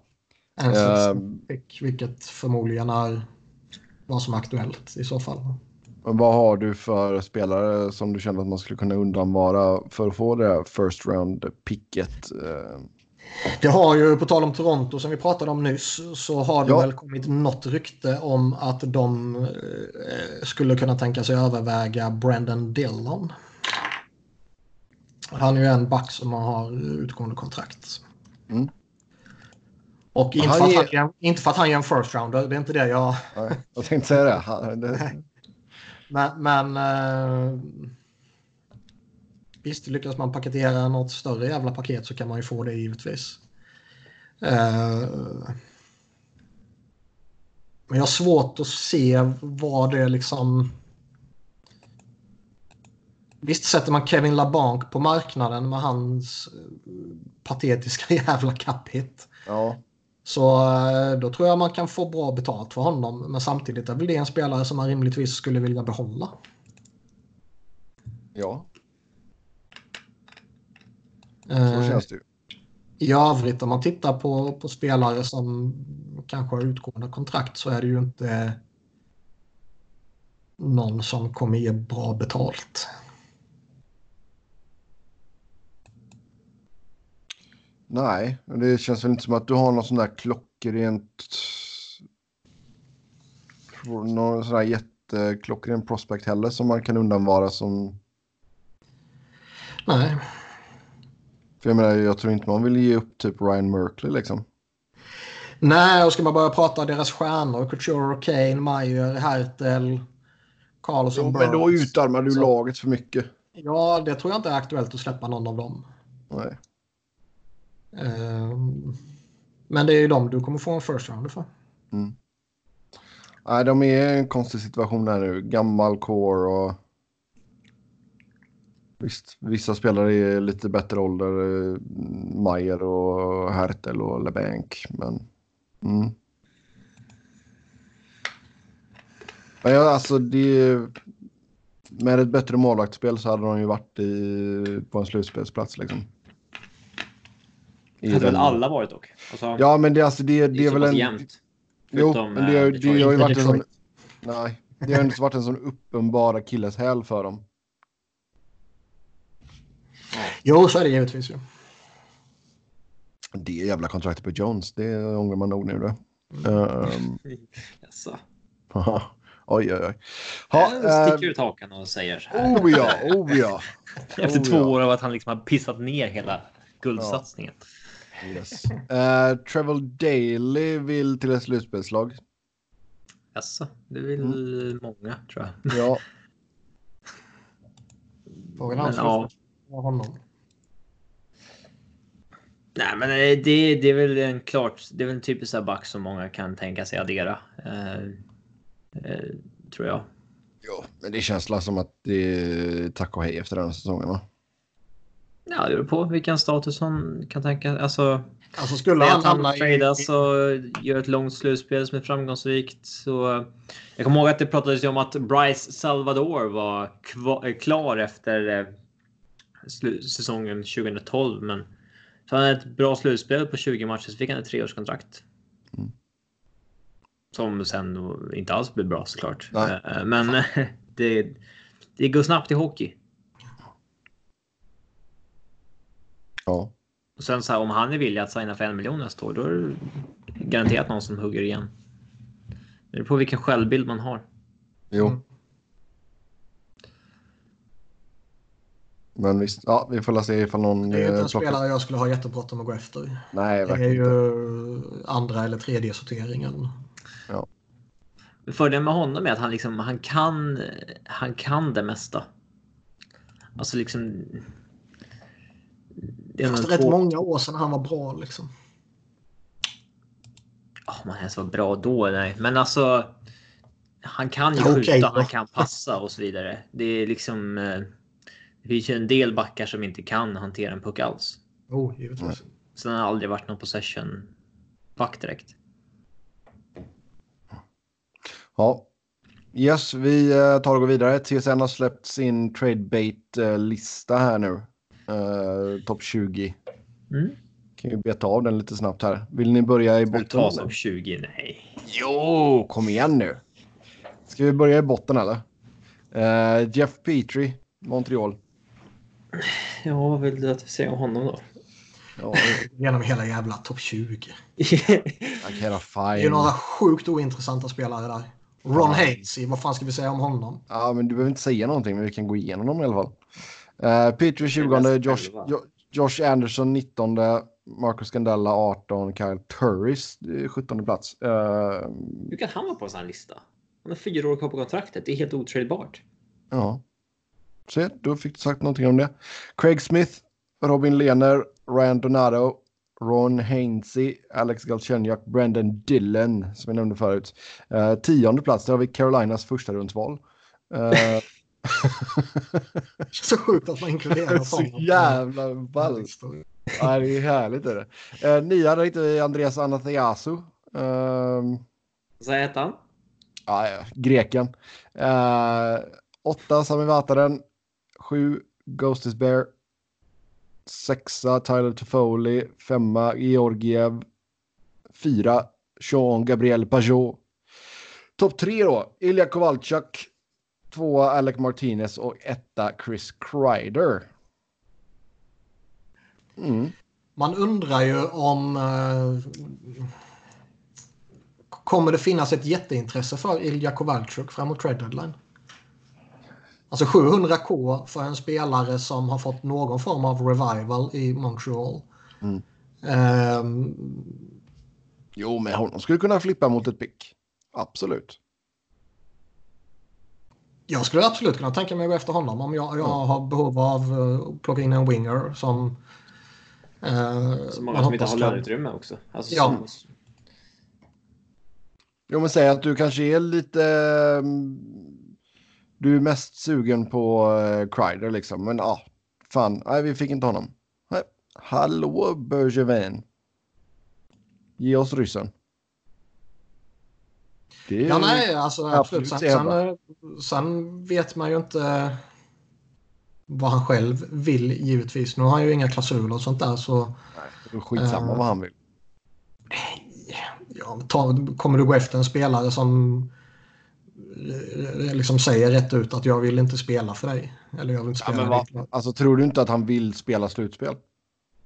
Jo, men det är ju skillnad på... Det är många som inte är helt säkra, alltså att de går slutspel vid deadline. Nej, och det är många som, eh, ja men nu har jag precis flyttat eh, hit och eventuellt familj och grejer, vet jag inte riktigt hur, hur det ser ut för honom liksom. Aha, nu ska vi flytta bara en månad senare liksom. Nej, det vill jag inte. Jag, jag spelar ut säsongen med Montreal, sen, sen tittar vi på nästa säsong. Ja, alltså det var ju inte första gången något sånt har, har hänt. Nej. Men, Men det är ju fel. Ja. ja. Men eh, jag menar det är ju ändå en faktor som man eventuellt behöver ta hänsyn till. Mm. Annars är det väl, eh, det är ju... Robin Lehner får ju en att reagera lite. Sällan vi ser målvaktstrades. Sällan man ser målvaktstrades och man skulle ju bli förvånad om inte Chicago förlänger med honom. Ja. Men kan det vara det här då att han, de kanske är, är lite reserverade till att ge ett långtidskontrakt? Ja, men det andra alternativet är Corey Crawford, 35 år med 70 hjärnskakningar bakom sig. Mm. Ja, de måste ju ha någon liksom. Vad har de i systemet? Jag inte, kan inte säga att jag har jättebra koll på deras målvakts uh, prospect pool. Nej, men då kan du få gå igenom det. Det är alltid det bästa. Det är alltid det bästa. När du, när du går igenom tredje, fjärde målvakterna i lagen. Ska vi se. Då har vi Matt Tompkins, Kevin Lankinen. Lang, låter nästan lite finskt. Lankinen, det är ju den finska målvakten som vann VM mot Finland när de hade ett pisslag. Ja, du ser. Och sen Colin Delia. Och som vanligt så säger det liksom oss ingenting i och med att det inte Nej. är målvakt som vi Nej, lika de, har, de har ju draftat några målvakter de sista åren också. Så, men jag har ingen jävla aning. Nej. Alltså det, det är ju... Det skulle ju förvåna något oerhört om de släpper båda två. Mm. Crawford och Lehner. Det, det, det lär ju inte ske. Däremot kan man ju se ett läge där de kanske behöver välja mellan en av dem. Jo, men då är det ju bara tack och hej Corey liksom. Vi har aldrig sett Chicago varit sjukt lojala mot sina... Jo, men han är ju inte bra längre. Nej, men de har skrivit sjuka kontrakt med alla, alla andra spelare nästan. Har de inte lärt sig någonting av Seabrook? Nej, kanske inte. Ja. Ja, alltså, det är klart man skulle bli förvånad om de väljer Crawford över Lener. Men... Eh, är det någonting man har lärt sig av att följa den här ligan så här många år så är det att man inte ska bli förvånad över något, något idiotbeslut som sker egentligen. Nej, det var sant. Men det, det, är väl en sån sak man reagerar på. att eh, Ligger det någonting bakom det eller bara tittar han på eh, den bästa målvakten med utgående kontrakt som han tycker? Och så slänger han upp den på listan. Liksom. Det är mycket möjligt. Så. Fast Georgiev är ju uppe där också. På fem, femte plats. Ja, det här glömde jag. Det är Saravellis lista också. Det är inte, det är inte Bobbans. Nej. Frankie Boy. Så visst. Annars är det väl många val som har figurerat i rykten rätt. Eh, eller många spelare som har figurerat i rykten rätt länge. Ja, både Toffoli och Martinez har ju ryktats vara på väg bort från Kings ganska länge, så visst. Det är väl inte jättekonstigt i sig. Ehm, men som sagt, de som har längst kontrakt, eh, liksom tid kvar, det är ju då Turris och Ghost. Ja, två spelare som inte presterar som lagen hoppas på. Nej. Men det känns ju inte som att det finns någonting i Ghost där. Ge han ett miljö. Absolut. Det ska vara bra liksom. Uh, jag, jag, jag, jag, tror Ghost tror jag, även om han har haft problem nu, tror jag ändå det finns värde i honom i en trade. Men det kanske ju... man inte riktigt känner kring Kyle Torres. Mm. Nej. Det har inte levt upp till hypen. Nej. Det är ganska många år sedan nu också i och för sig. Men... Han är ju blivit gammal nu. Alltså... Ja. Nej, det är helt sant. Yes, sen hade vi en annan lista um, från The Athletic. Um, player poll. Uh, vem man helst skulle dricka med, ta en bärs med. Ja, det fanns ju fler frågor eh, också. ja, ja, högst upp så blir det enklast. Ja, men jag måste logga in först. Så uh, ta och uh, rabbla av här. Who is the best player in the game? Ja, Connor McDavid. 63 procent svarar Connor McJesus. Uh, följt av McKinnon Crosby. Mm. Uh, och det är ju första året då som uh, McDavid tar hem den. Ja. Det är väl odiskutabelt numera. Mm. Känns lite så. Sen så det är också lite recency bias i och med att Crosby hade varit väldigt skadad i 25 matcher när det röstades. Liksom, ja. Mm. Hade han varit eh, fresh in mind så hade väl kanske framförallt inte varit lika, liksom, lika mycket jordskredsseger. Nej. Uh, man har alltså snackat med 392 spelare så det är en ganska bra sample size också. Uh, det är det väl, ja. Ja. Det är bra jobbat av dem får man ju säga faktiskt. Ja, eh, frå frågan, fråga nummer två här var. Det är Game 7, Stanley Cup-final. Eh, förutom din egna målvakt, vem skulle du vilja ha eh, som startar mellan stolparna? Då 33 svarar Carey Price. 23 Mark-André Fleury, 11 André Vasilevski, 7 på Tukarask och Jordan Binnington. Ja, det fick ju en höra lite på att Price är etta här, men samtidigt så. Vem annars ska man ta? Eh, det är ingen som svarar Lundqvist längre och. Eh, det var bevisligen någon som svarade Lundqvist eller som han fick eh, röster. Ja, ja, i princip alla målvakter fick väl någon röst liksom antar jag. Eh, jag gillar att Pavel, Pavel Fransouch fick en röst. Mm. Ja. Eh, Speciellt i och med att ingen i egna laget fick rösta på det. Nej, exakt. Då, då man. Uh, någon sagt Jonathan Quick också. Ja, det är någon som lever lite i... Någon som varit i koma kanske. Ja. Men det är ju mycket reputation här. Carol ja, Price. Uh... Ja, men det finns ju inget givet alternativ heller faktiskt. Nej, och sen det var, det var som någon kommenterade också liksom att uh, han har varit i sådana här situationer. Han, liksom, han har varit i den pressen. Han har... Uh, uh, ja. han har liksom rutinen. Och... Vem hade valt? Jag vet fan alltså. Carter Hart. Ja. Aside from your own goalie. Ja, exakt. Ja, visst fan. Uh... Jag hade kanske valt... Uh... Jag hade inte brytt mig om att de inte har varit där förut. Jag hade väl tagit Gibson eller, eller så. Mm. Ja. Eller vad säger väl... ja. Darcy Kemper. Jag vet fan. Jag tycker det, det är lite som jag var inne på. Jag tycker inte det finns, finns något. Det finns inga klockrena Nej, alltså typ. Alla är rätt dåliga. Hellerback är ett alternativ givetvis. Uh, Gibson är ett annat. Uh, Ge mig en stekhet Elvis. Rask är, Rask är väl någorlunda Rask är, ja. alternativ.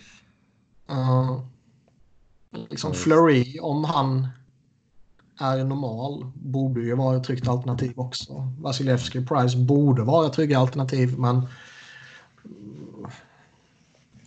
Price är ju på nedgång får man väl ändå säga. Ja. Det var någon som bara svarade Bennington just did it. How can you pick anyone else? Ja, det är väl många målvakter som har vunnit en uh, Game 7. Ja, men han har gjort det most recently. Uh, fråga nummer tre. Vem är mest underskattad? 22 procent Alexander Barkov, 9 procent Jonathan Huberdo, 8 procent Niklas Bäckström. Sen 3 procent vardera för Braden Point och Jared Spurgeon. Många, du får inte rabbla hela listan nu Sebbe, men uh, som har fått enstaka röster här. Ja, ja, ja. Uh, Väldigt vi har Dreisaitl med där. Mm. Det där kan man ju anse där är ju alla namn ju rimliga att slänga in. Det beror på vilket perspektiv du har. Liksom. Jo. Kopita kanske är underskattad nu för att Kings är jävligt usla. Han inte. Han glöms bort i vissa eh, liksom rankingar. Han är fortfarande samma spelare han var för två år sedan. Eh. Jag kan väl känna. Jag kan väl inte känna att Barkov är ganska. Ah, jag vet. Glömmer, jag tycker det. Bort Florida Barkov har varit underskattad så länge nu att han börjar bli överhypad. Okay. Jag säger inte. Det är skillnad på överskattad och överhypad. Mm. Nej, men det är en topp 10 center i ligan. 90 poäng. Men jag tycker att han får cred för det nu. Däremot Jonathan Huber då som är tvåa på listan. Eh, det tycker jag är legitimt. För det är liksom en 90 poängsspelare som eh, eh, ja, aldrig nämns som en av de bästa wingersna i ligan. Nej. Men det har ju lite med vart de spelar att göra kan jag känna. Ja, det är klart. Eh, visst. Bäckström ja. är också passé. Det är ju så fan. Däremot Spurgeon som femma, det gillar ju många Analytics-snubbar. Ja.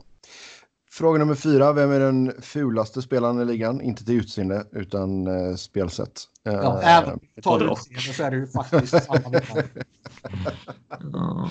uh, Etta, Brad Marchand, 29 procent. Tvåa, Tom Wilson, 24 procent. Sen Matthew Kachuk, 11. Radko Gudas, 7 procent. Och Antoine Rosell, 3 procent. Kul att Malkin får en röst här också.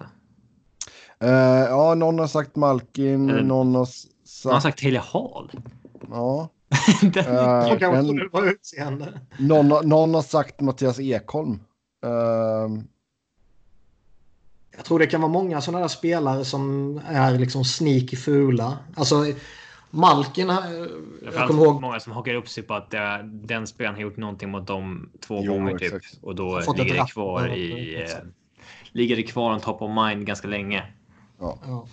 Men, men det här blir en så... Många sådana spelare som är liksom sådär lite sneaky fula. På, på, ett, på, ett, liksom, på ett riktigt sneaky sätt. Ja. Malkin är ju ful på riktigt liksom. Men han får ju start treatment. Jo men jag tycker inte så att, att det är... Jo, men typ som Hathaway som är med här. Det är ju, då har han gjort någonting mot någon liksom. Uh, det är en riktigt ful spelare. Ja. Men att inte, Jamie, att inte Jamie Benn har fått en röst här. En röst kan han ju fått, men han har inte fått två. Så krävs ja. att nämnas där. Ja, okej. Okay. Ja, multiple votes. Det har du helt rätt i. Du har alltså minst två människor sagt Mattias Ekholm. Det, ja, okay. Let's go with Brad Marchand. He's a little prick. Ja. Amateur division player. Men alltså jag tycker ju Jamie Benn ska vara med på en sån här lista. Vi har inte poddat sen uh, hans tabbe va? Nej det har vi inte. Fan vad skoj det var. Ja. Mm. Oh, uh, det är just avgörande straffen också. Det var ingen bara straff ja, ja, i längden. Utan det... Liksom, Okej, okej okay, okay, att man Man tar pucken, man åker fram, man försöker sig på någon svår jävla dribblingsförsök och så glider pucken iväg liksom. Eh, eller den ställer sig upp mitt i, i finten och man tappar kontroll. Liksom. Shit happens. Men att inte få med sig den från mittcirkeln ens är ju så jävla obeskrivligt uselt. Mm. Så det mm. finns ju inte. Nonchalant. Och det är så jävla perfekt att det är den sopan. Ja, det gillade många. Ja, eh, fråga nummer fem. Vem är bästa defensiva backen i ligan? Eh, 17 procent sa Viktor Hedman. 10 procent Shea Webber, 6 procent Ryan McDonough, 6 procent Mark Giordano, 5 procent Jacob Slavin. Eh, ja, det är en ganska väntad lista. Um... Man kan väl givetvis ha åsikter på exakt hur de, vilken position de fördelas på så att säga. Men jag tycker ändå att det är fem rätt rimliga namn. Mm. Shea mm. Webber, vi har ju sagt det tidigare, men han har fan haft en jävligt imponerande revival i Montreal. Ja. Ian Cole har fått lite röster. Roman Polak. Mm. Alltså som bästa defensiva back. Det är ändå rätt sjukt. Men det säger ändå en del om att de kanske har något värde trots allt i och med att alltså om spelare tycker det så. Jag kan tänka mig det är något sånt där liksom. Okej, okay, vem, vem får jag mest ont av att spela mot? Jo. Ja, Roman Polak, typ. Och här kan det ju vara någon lagkamrat också, för det är väl inte samma kriterier här. Att du inte får ta någon från ditt egna lag. Um, sen har vi, uh, vem är bästa domaren i ligan? Wes McCauley 71 Kelly Sutherland 15% Dan O'Halloran 3 ja. Tim Peel 3% och François Saint-Laurent 1 uh, Man kan ju inga domare förutom Kelly Sutherland och Wes McCauley och Tim Peel. Uh, Tim Peel får röster båda som den bästa och sämsta. Ja, um, sämsta Justin St. Pierre 42 Överlägset också. Ja. den är jobbig att ta. Satan vad de hatade på honom också. Ja, uh, Tim Peel 12% Steve Cossari 7% Chris Rooney 6% och Mark Juanet 5% Tim Peel är ju på riktigt kass. Uh, Justin St. Pierre har jag faktiskt ingen koll på. Nej. Alltså man har ju ingen koll på dem. Det är som Robin sa, man kan ju Kelly Sutherland och Wes McCauley.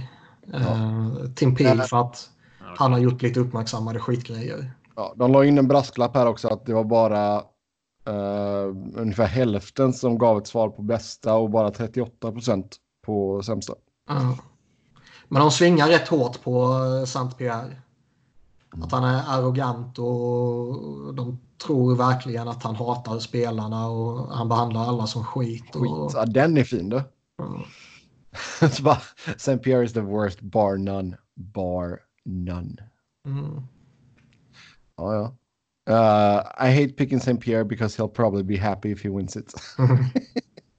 Så, ja. Det, är, det är ett gott tecken om halva ligan anser att du är den sämsta domaren. Nej, nej, nej, herregud. Det är verkligen inte. Nej, och sen att du blir beskriven som arrogant och eh, liksom, ja. Det är inga bra karaktärsdrag.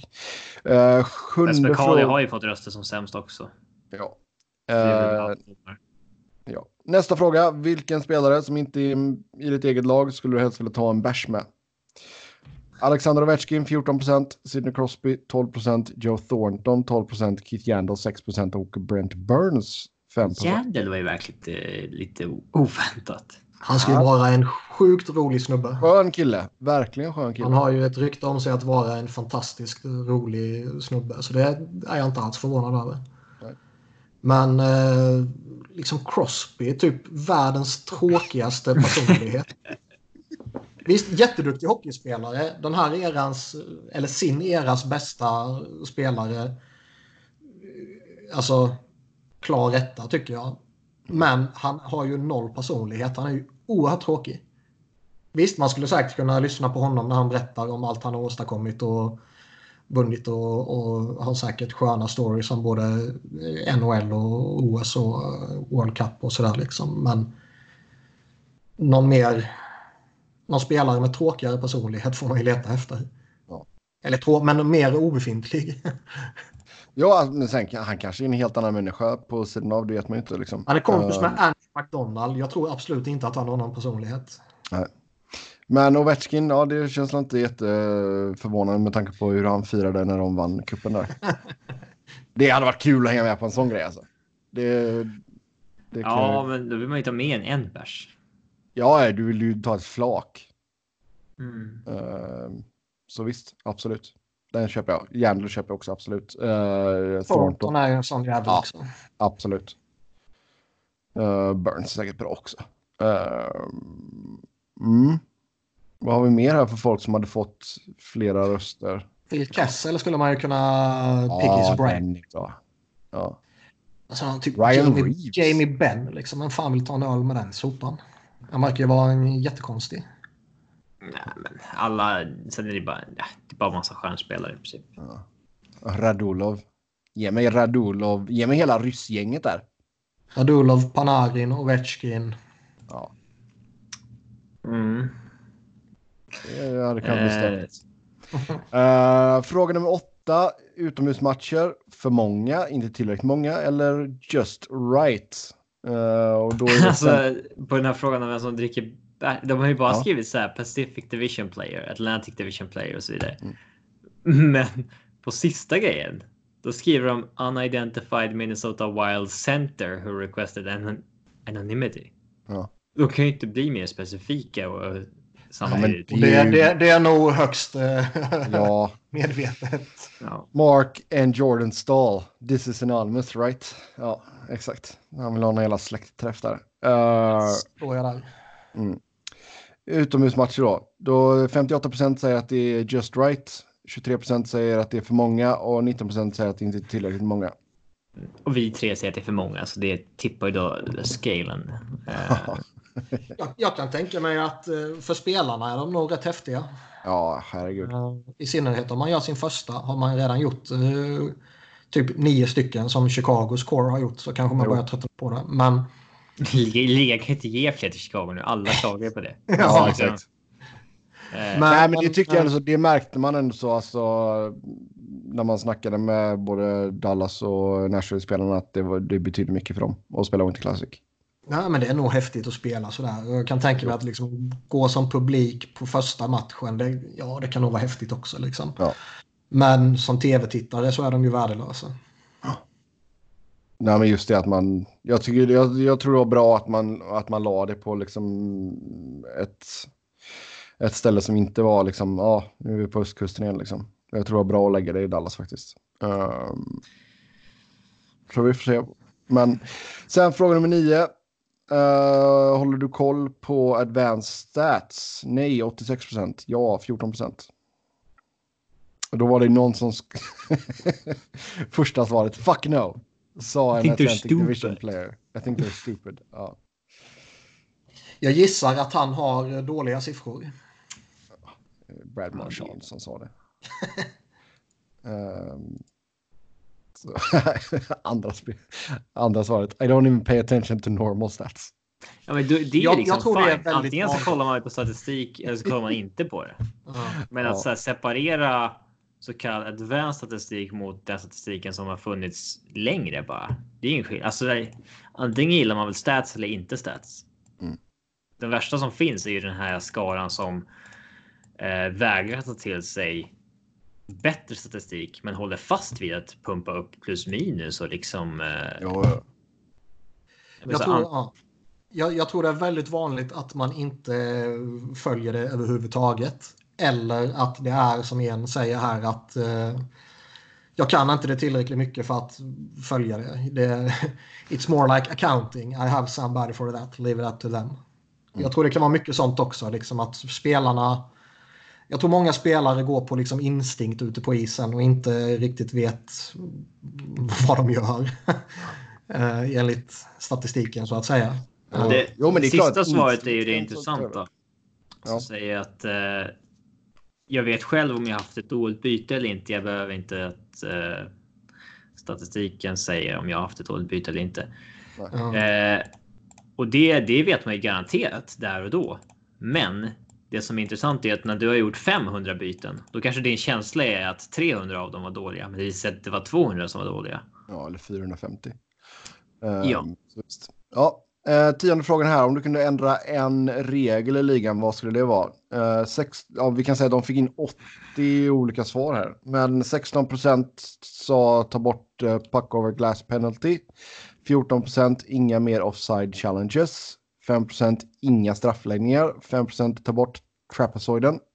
Och 5 procent sa kör övertiden 10 minuter istället. Det förvånar mig att trapezoiden är en viktig. Det är bara målvakterna som är i den. Eller? Vem bryr sig om trapezoiden? Jag kan möjligt. tänka mig backar eh, vill att de ska slippa åka ner och hämta pucken så jävla ofta. Mm. Mm. Ja, puck over glass har varit en grej som ingen har gillat länge. Uh... Jag kan absolut tänka mig att, att ta bort utvisning på det, men typ kanske göra det som när man slår icing, att du får inte byta eller något sånt där. Nej, du får inte byta och laget som attackerar får välja vart de vill ta tekningen. Eller vilken sida. Du, eller du, du måste teka med klubban upp och ner. Du måste teka med en back. Du måste ta in Dion Phaneuf.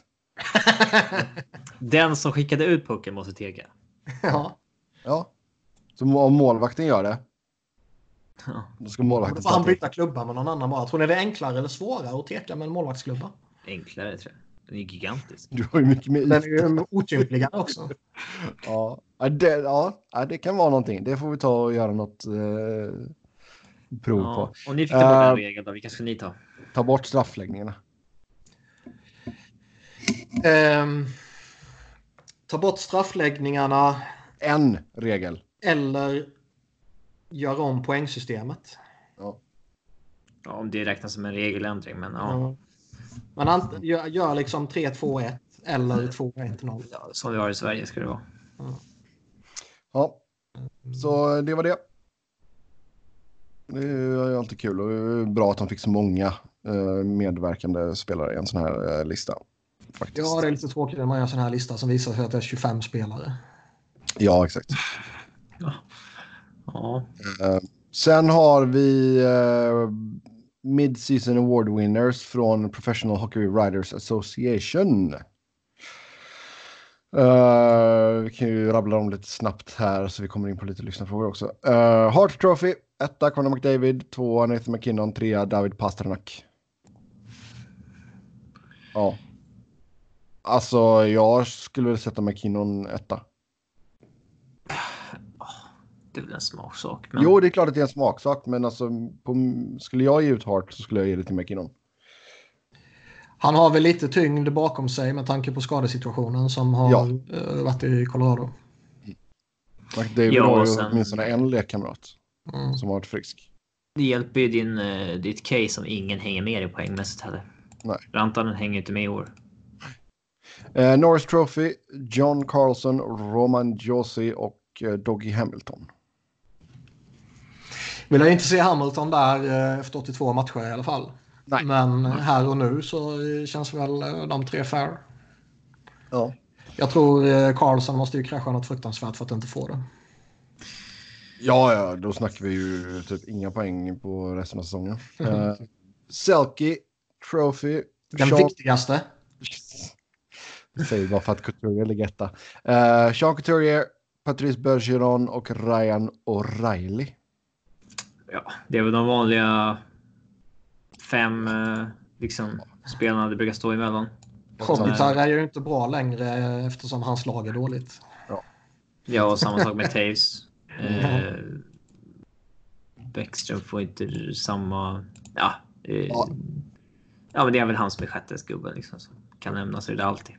College Trophy, eh, alltså årets rookie. Cale McCarr, Quinn Hughes och Victor Olofsson här har det blivit en fruktansvärt jobbig. Jag vet inte hur många Vancouver media ni följer, men i och med att eh, de, ja, nu ligger de ju på slutplats och så vidare, men de har haft en oerhört case av att eh, alltså pumpa upp att Quinn Hughes ska vinna Calder. Och ja. det är till och med på den liksom nivån att de håller på att liksom Försöker de skriva ner McCarr? Ja, och liksom vad är det för Alltså att fans Vad är det för sätt? Så.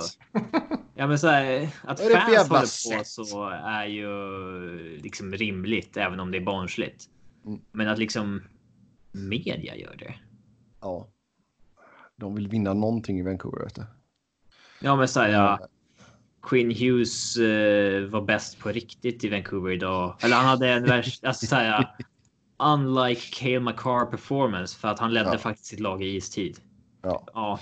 Ursäkta att Avs har fem andra bra backar till skillnad från Vancouver. uh, ja. Nej, men alltså sen beroende på Olofssons skada så kan väl han trilla bort här. Kanske. Alltså vad gör du? Det här... Mördar du mikrofonen eller?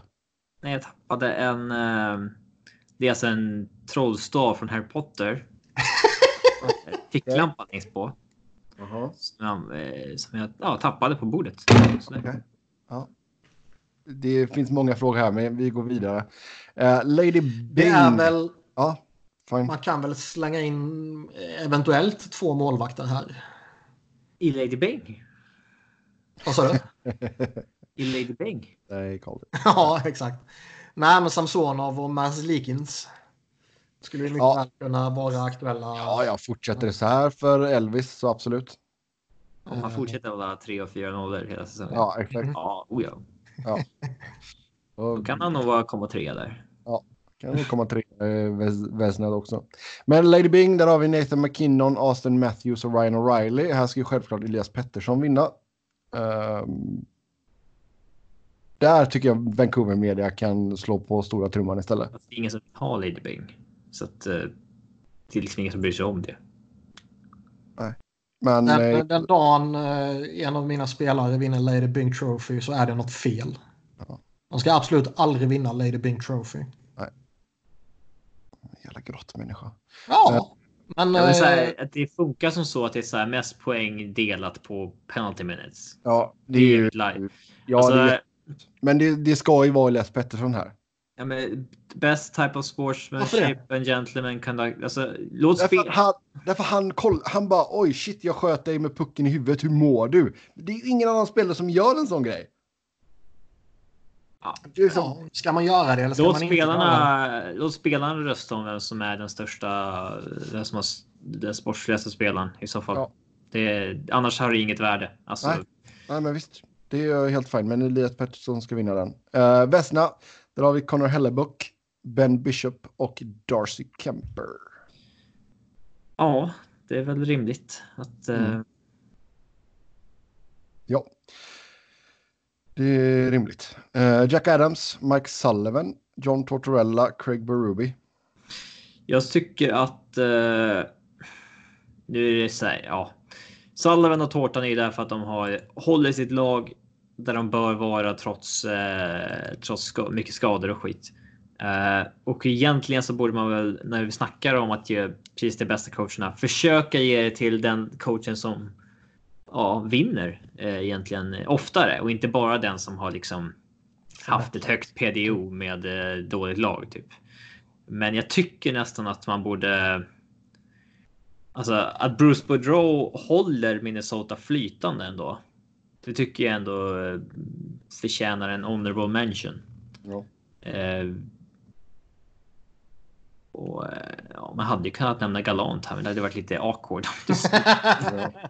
eh, så att, nej, men eh, det är liksom, ja. Det är ja. St. Louis som är bäst.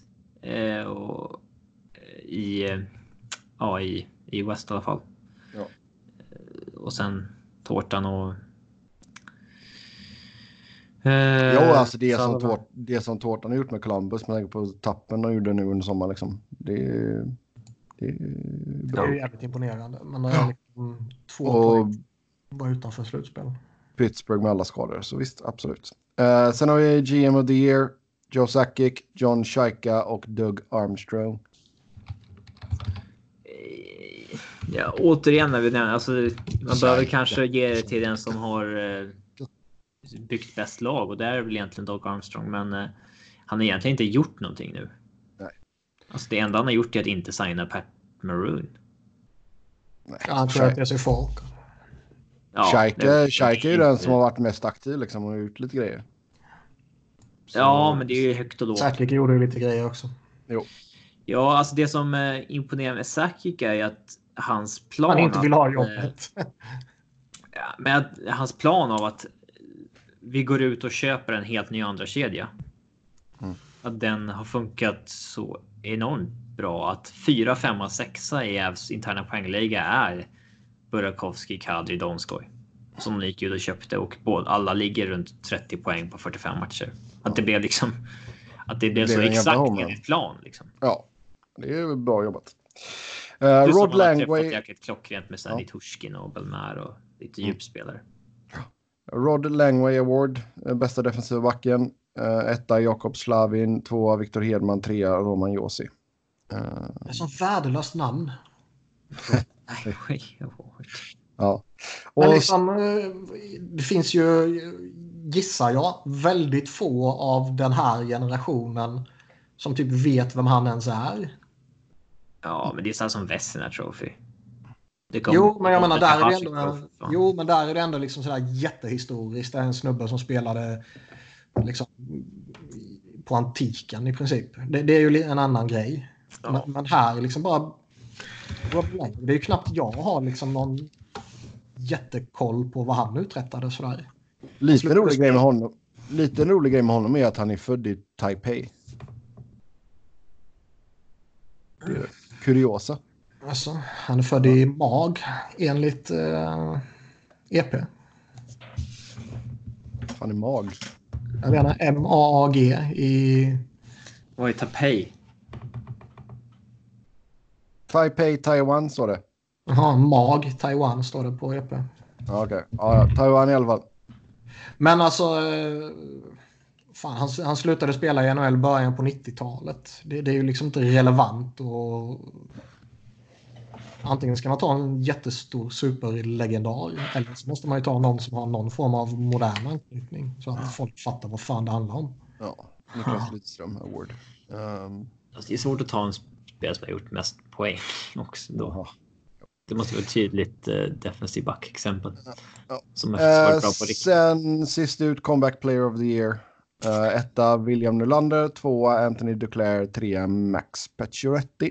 Och helvete vad folk gjorde en stor grej av att uh, Conor McDavid uh, det kom ju något snack om hans jävla skada, knäskada och skit och grejer. Ja. Hur allvarlig den var hur han ändå kunde spela och vara så jävla bra och skit och grejer. Och folk gjorde en jävla grej av att om folk bara skulle veta att det här är tid så skulle han vunnit den här överlägset. Mm. Eh, också... Ja, visst. Eh, eh, ja. McDavid kanske suktar efter detta priset, vem vet? Men vad fan. Ja. Comeback Player of the Year Award. Jävla ja. trams för fan. Läste ja. ni eh, Dmitri Filipovic Midseason Awards? Nej, det har jag missat. Han körde William Carlson Award till spelaren som haft störst uh, biggest offensive leap. Och där går priset till Brian Rust. Uh, sen the John Gibson Award. Uh, given to the goalie who does everything humanly possible to carry his team to victory on a nightly basis despite getting nothing resembling help from players who are supposed to be defending in front of him. uh, Robin Lehner fick den nu. Mm. The Jared Spurgeon Award given to the player who plays heavy minutes routinely against the other team's best players and manage avoid hurting his team. Uh, Jacob Slavin. Uh, the Claude Giroux Award, given to the former star player who looked like his best days might be behind him after a couple of down seasons, only to turn it around. Uh, Max Pacioretty. Uh, the Summer of 2016 Award. Ja, så sämst kontrakt. det är ju Bobrovski. Ja. Eh, och sen The Jacob Slavin Award, vilket är lite svårt i och med att han fick ett pris innan. Som, ja. Eh, men det är då till den som är mest underskattad av massan. Och eh, nu skickade han ett Blake Holman där. Ja. Den är bra. Sen är det Sean Couturier Award given to the player who is already one of the best defensive players in the league and deserves Selke Trophy consideration but likely won't earn the award because he doesn't score enough. Och det är Anthony Cirelli. Ja. Där, då har vi lite listor som vi har gått igenom här. Då tar vi och hoppar in på lyssnarfrågorna. Stort tack som vanligt till er som har skrivit in. Först ut, tror ni risken för att trade deadline kommer vara som tidigare år eller kommer fler lag byta bort sina bra UFA som rentals då de inte vill få en Tavares situation? Medan med tidigare år har vi haft. Ja, men att det har varit lite så halvljummet. Ja. Alltså man vill ju inte att de ska sitta i den jävla TSN-studion i sex timmar innan det händer någonting. Det är ju så jäkla tragiskt. Man tycker ju synd om dem. Det är ju svårt. Uh...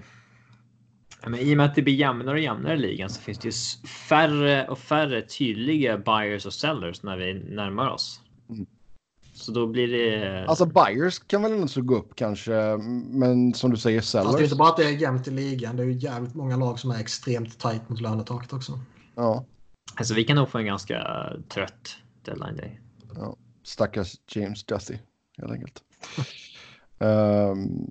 Sen är det väl, jag vet inte, alltså tittar man på på de som alltså pending UFAs mm. av de som är attraktiva. Så, jag vet fan om det är så många som är så värst eh, sannolika att bli bortbytta ändå. Angelo kommer ju inte flytta. Jag tror inte Holtby kommer flytta liksom även om man bestämmer sig för att inte förlänga med honom. Nej. Taylor Hall lär ju inte dumpas av Arizona. Nej. Det finns inga stjärnor i pisslagen heller. Nej, Mikael Granlund har vi pratat om tidigare och det kan man ju absolut se någonting hända ju. Mm. Men sen kommer Justin Schultz, Tyson Barry, Mikko Koivu. Nej, alltså pending UFA så skulle ju vara om typ så här San Jose bestämde sig för att uh, vi släpper Thornton och vi mm. missar slutspel. Ja. Ja, nej, det är inga jätteroliga namn där faktiskt. Det är det inte. Um, Sen har vi, eh, vad tycker ni om All-Star breaket? Ett tillfälle för journalister där borta att supa till det, eller är det kul på riktigt? Eh, det är jättetråkigt. Eh, även spelat på tio dagar. Det är supertrist. det är många lag som har sin uh, bye week här nu. Så jävla värdelöst att de samma helg lägger de fa Cup-helg. Det finns fan ingenting att göra. Man kan ju vara kvar i FA-cupen också som Ja, det är Arsenal också. Men de spelar på måndag. Ja.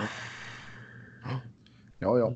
Det, vi får väl se. Man skulle väl skoja till det nu. Det vore när... kul om vi eh, mm. om en vecka här när det bara varit All-Star break bara pratat FA-cupen nästa vecka. Inget annat. Nej. Nej, men alltså de försöker ju. Skills competition. De lägger ju till den här grejen nu att du ska stå uppe i. Eh... Hur ska de göra det? Det låter ju livsfarligt. De ska stå ah, de ska... publiken och så ska de...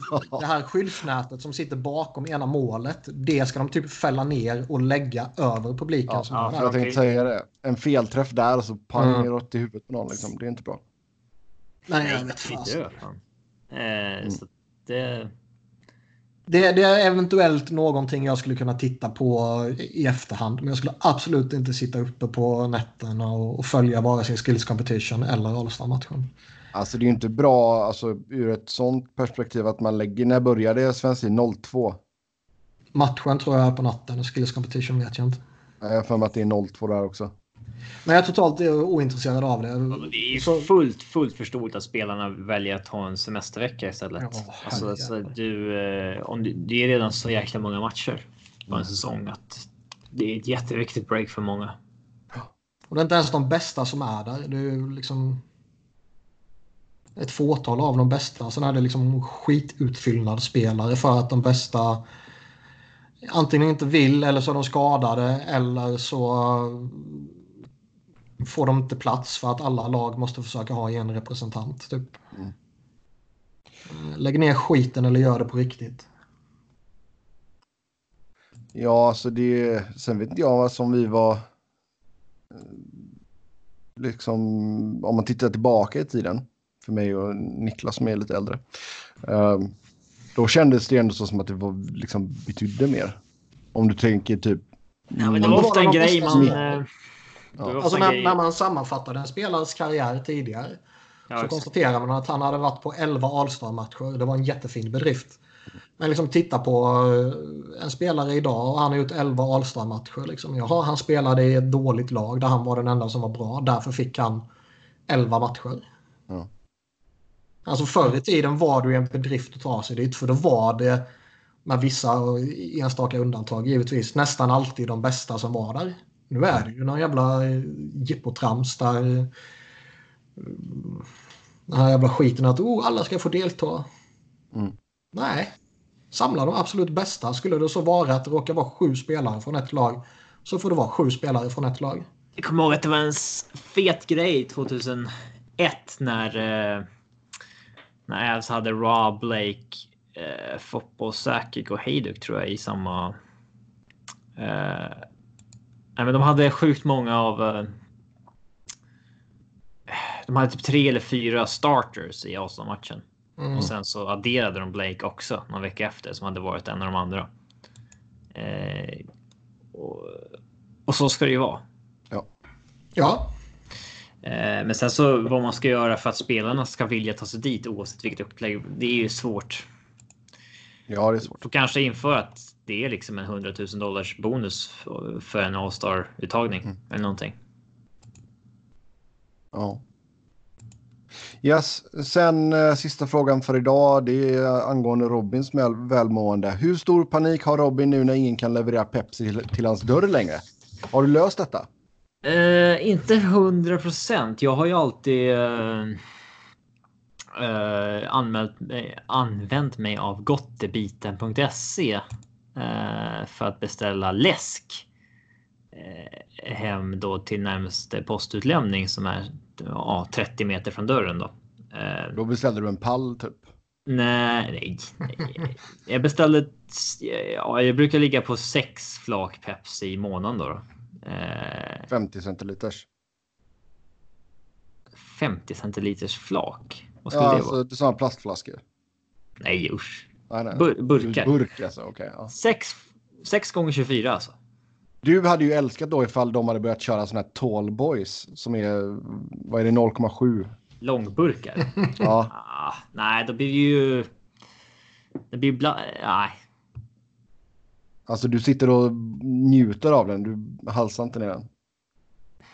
Ja, men den håller sig ju kall och kols. Hellre att det är många burkar så att den håller sig kall och kolsyrad än att den.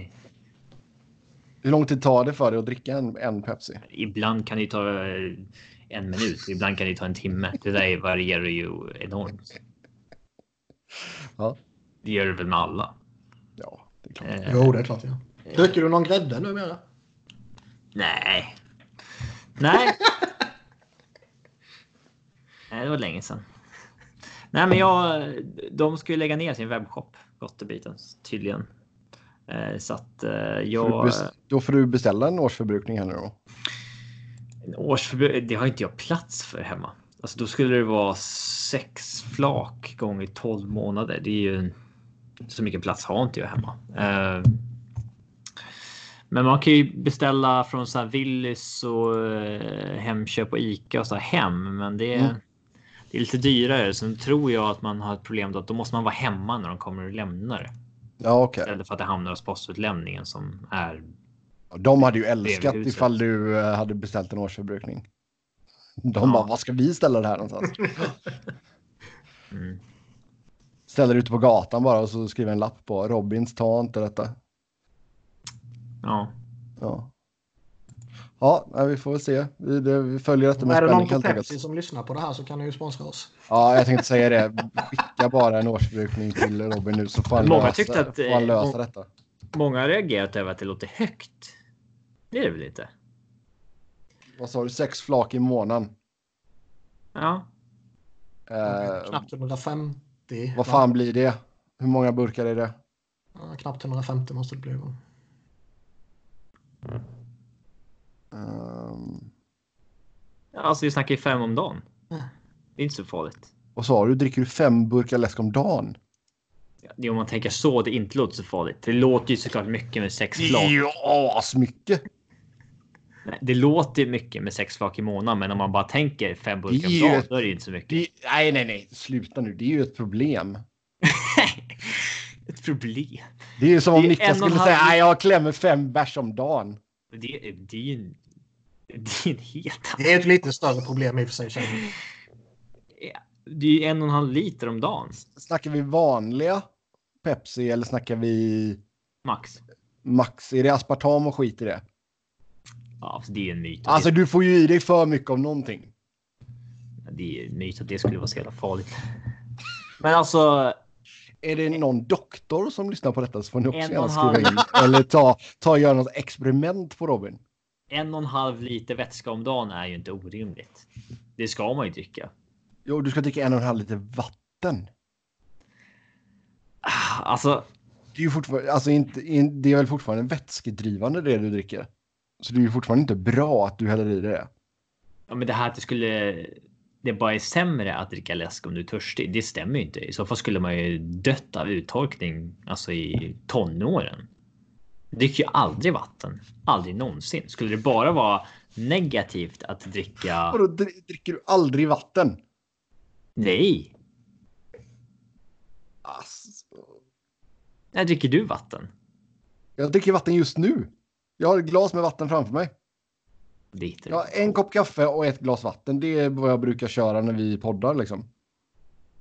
Kör vi sent min tid, ja då kan det kanske slinka ner en bärs. Eller en liten virre. Virre? Mm. Ja, nej, men det är inte orimligt att dricka en och en halv liter. Det är orimligt att dricka en och en halv liter läsk om dagen. Jo, det är det. Eh, skriv in till oss om era läskevanor. Eh, ni hittar oss på Twitter med Eh, jag är Seb Noren, Niklas är ett Niklas Wiberg, Niklas C, Wiberg med enkel och Robin är R underscore Fredriksson. Tills nästa gång, ha det gött, hej!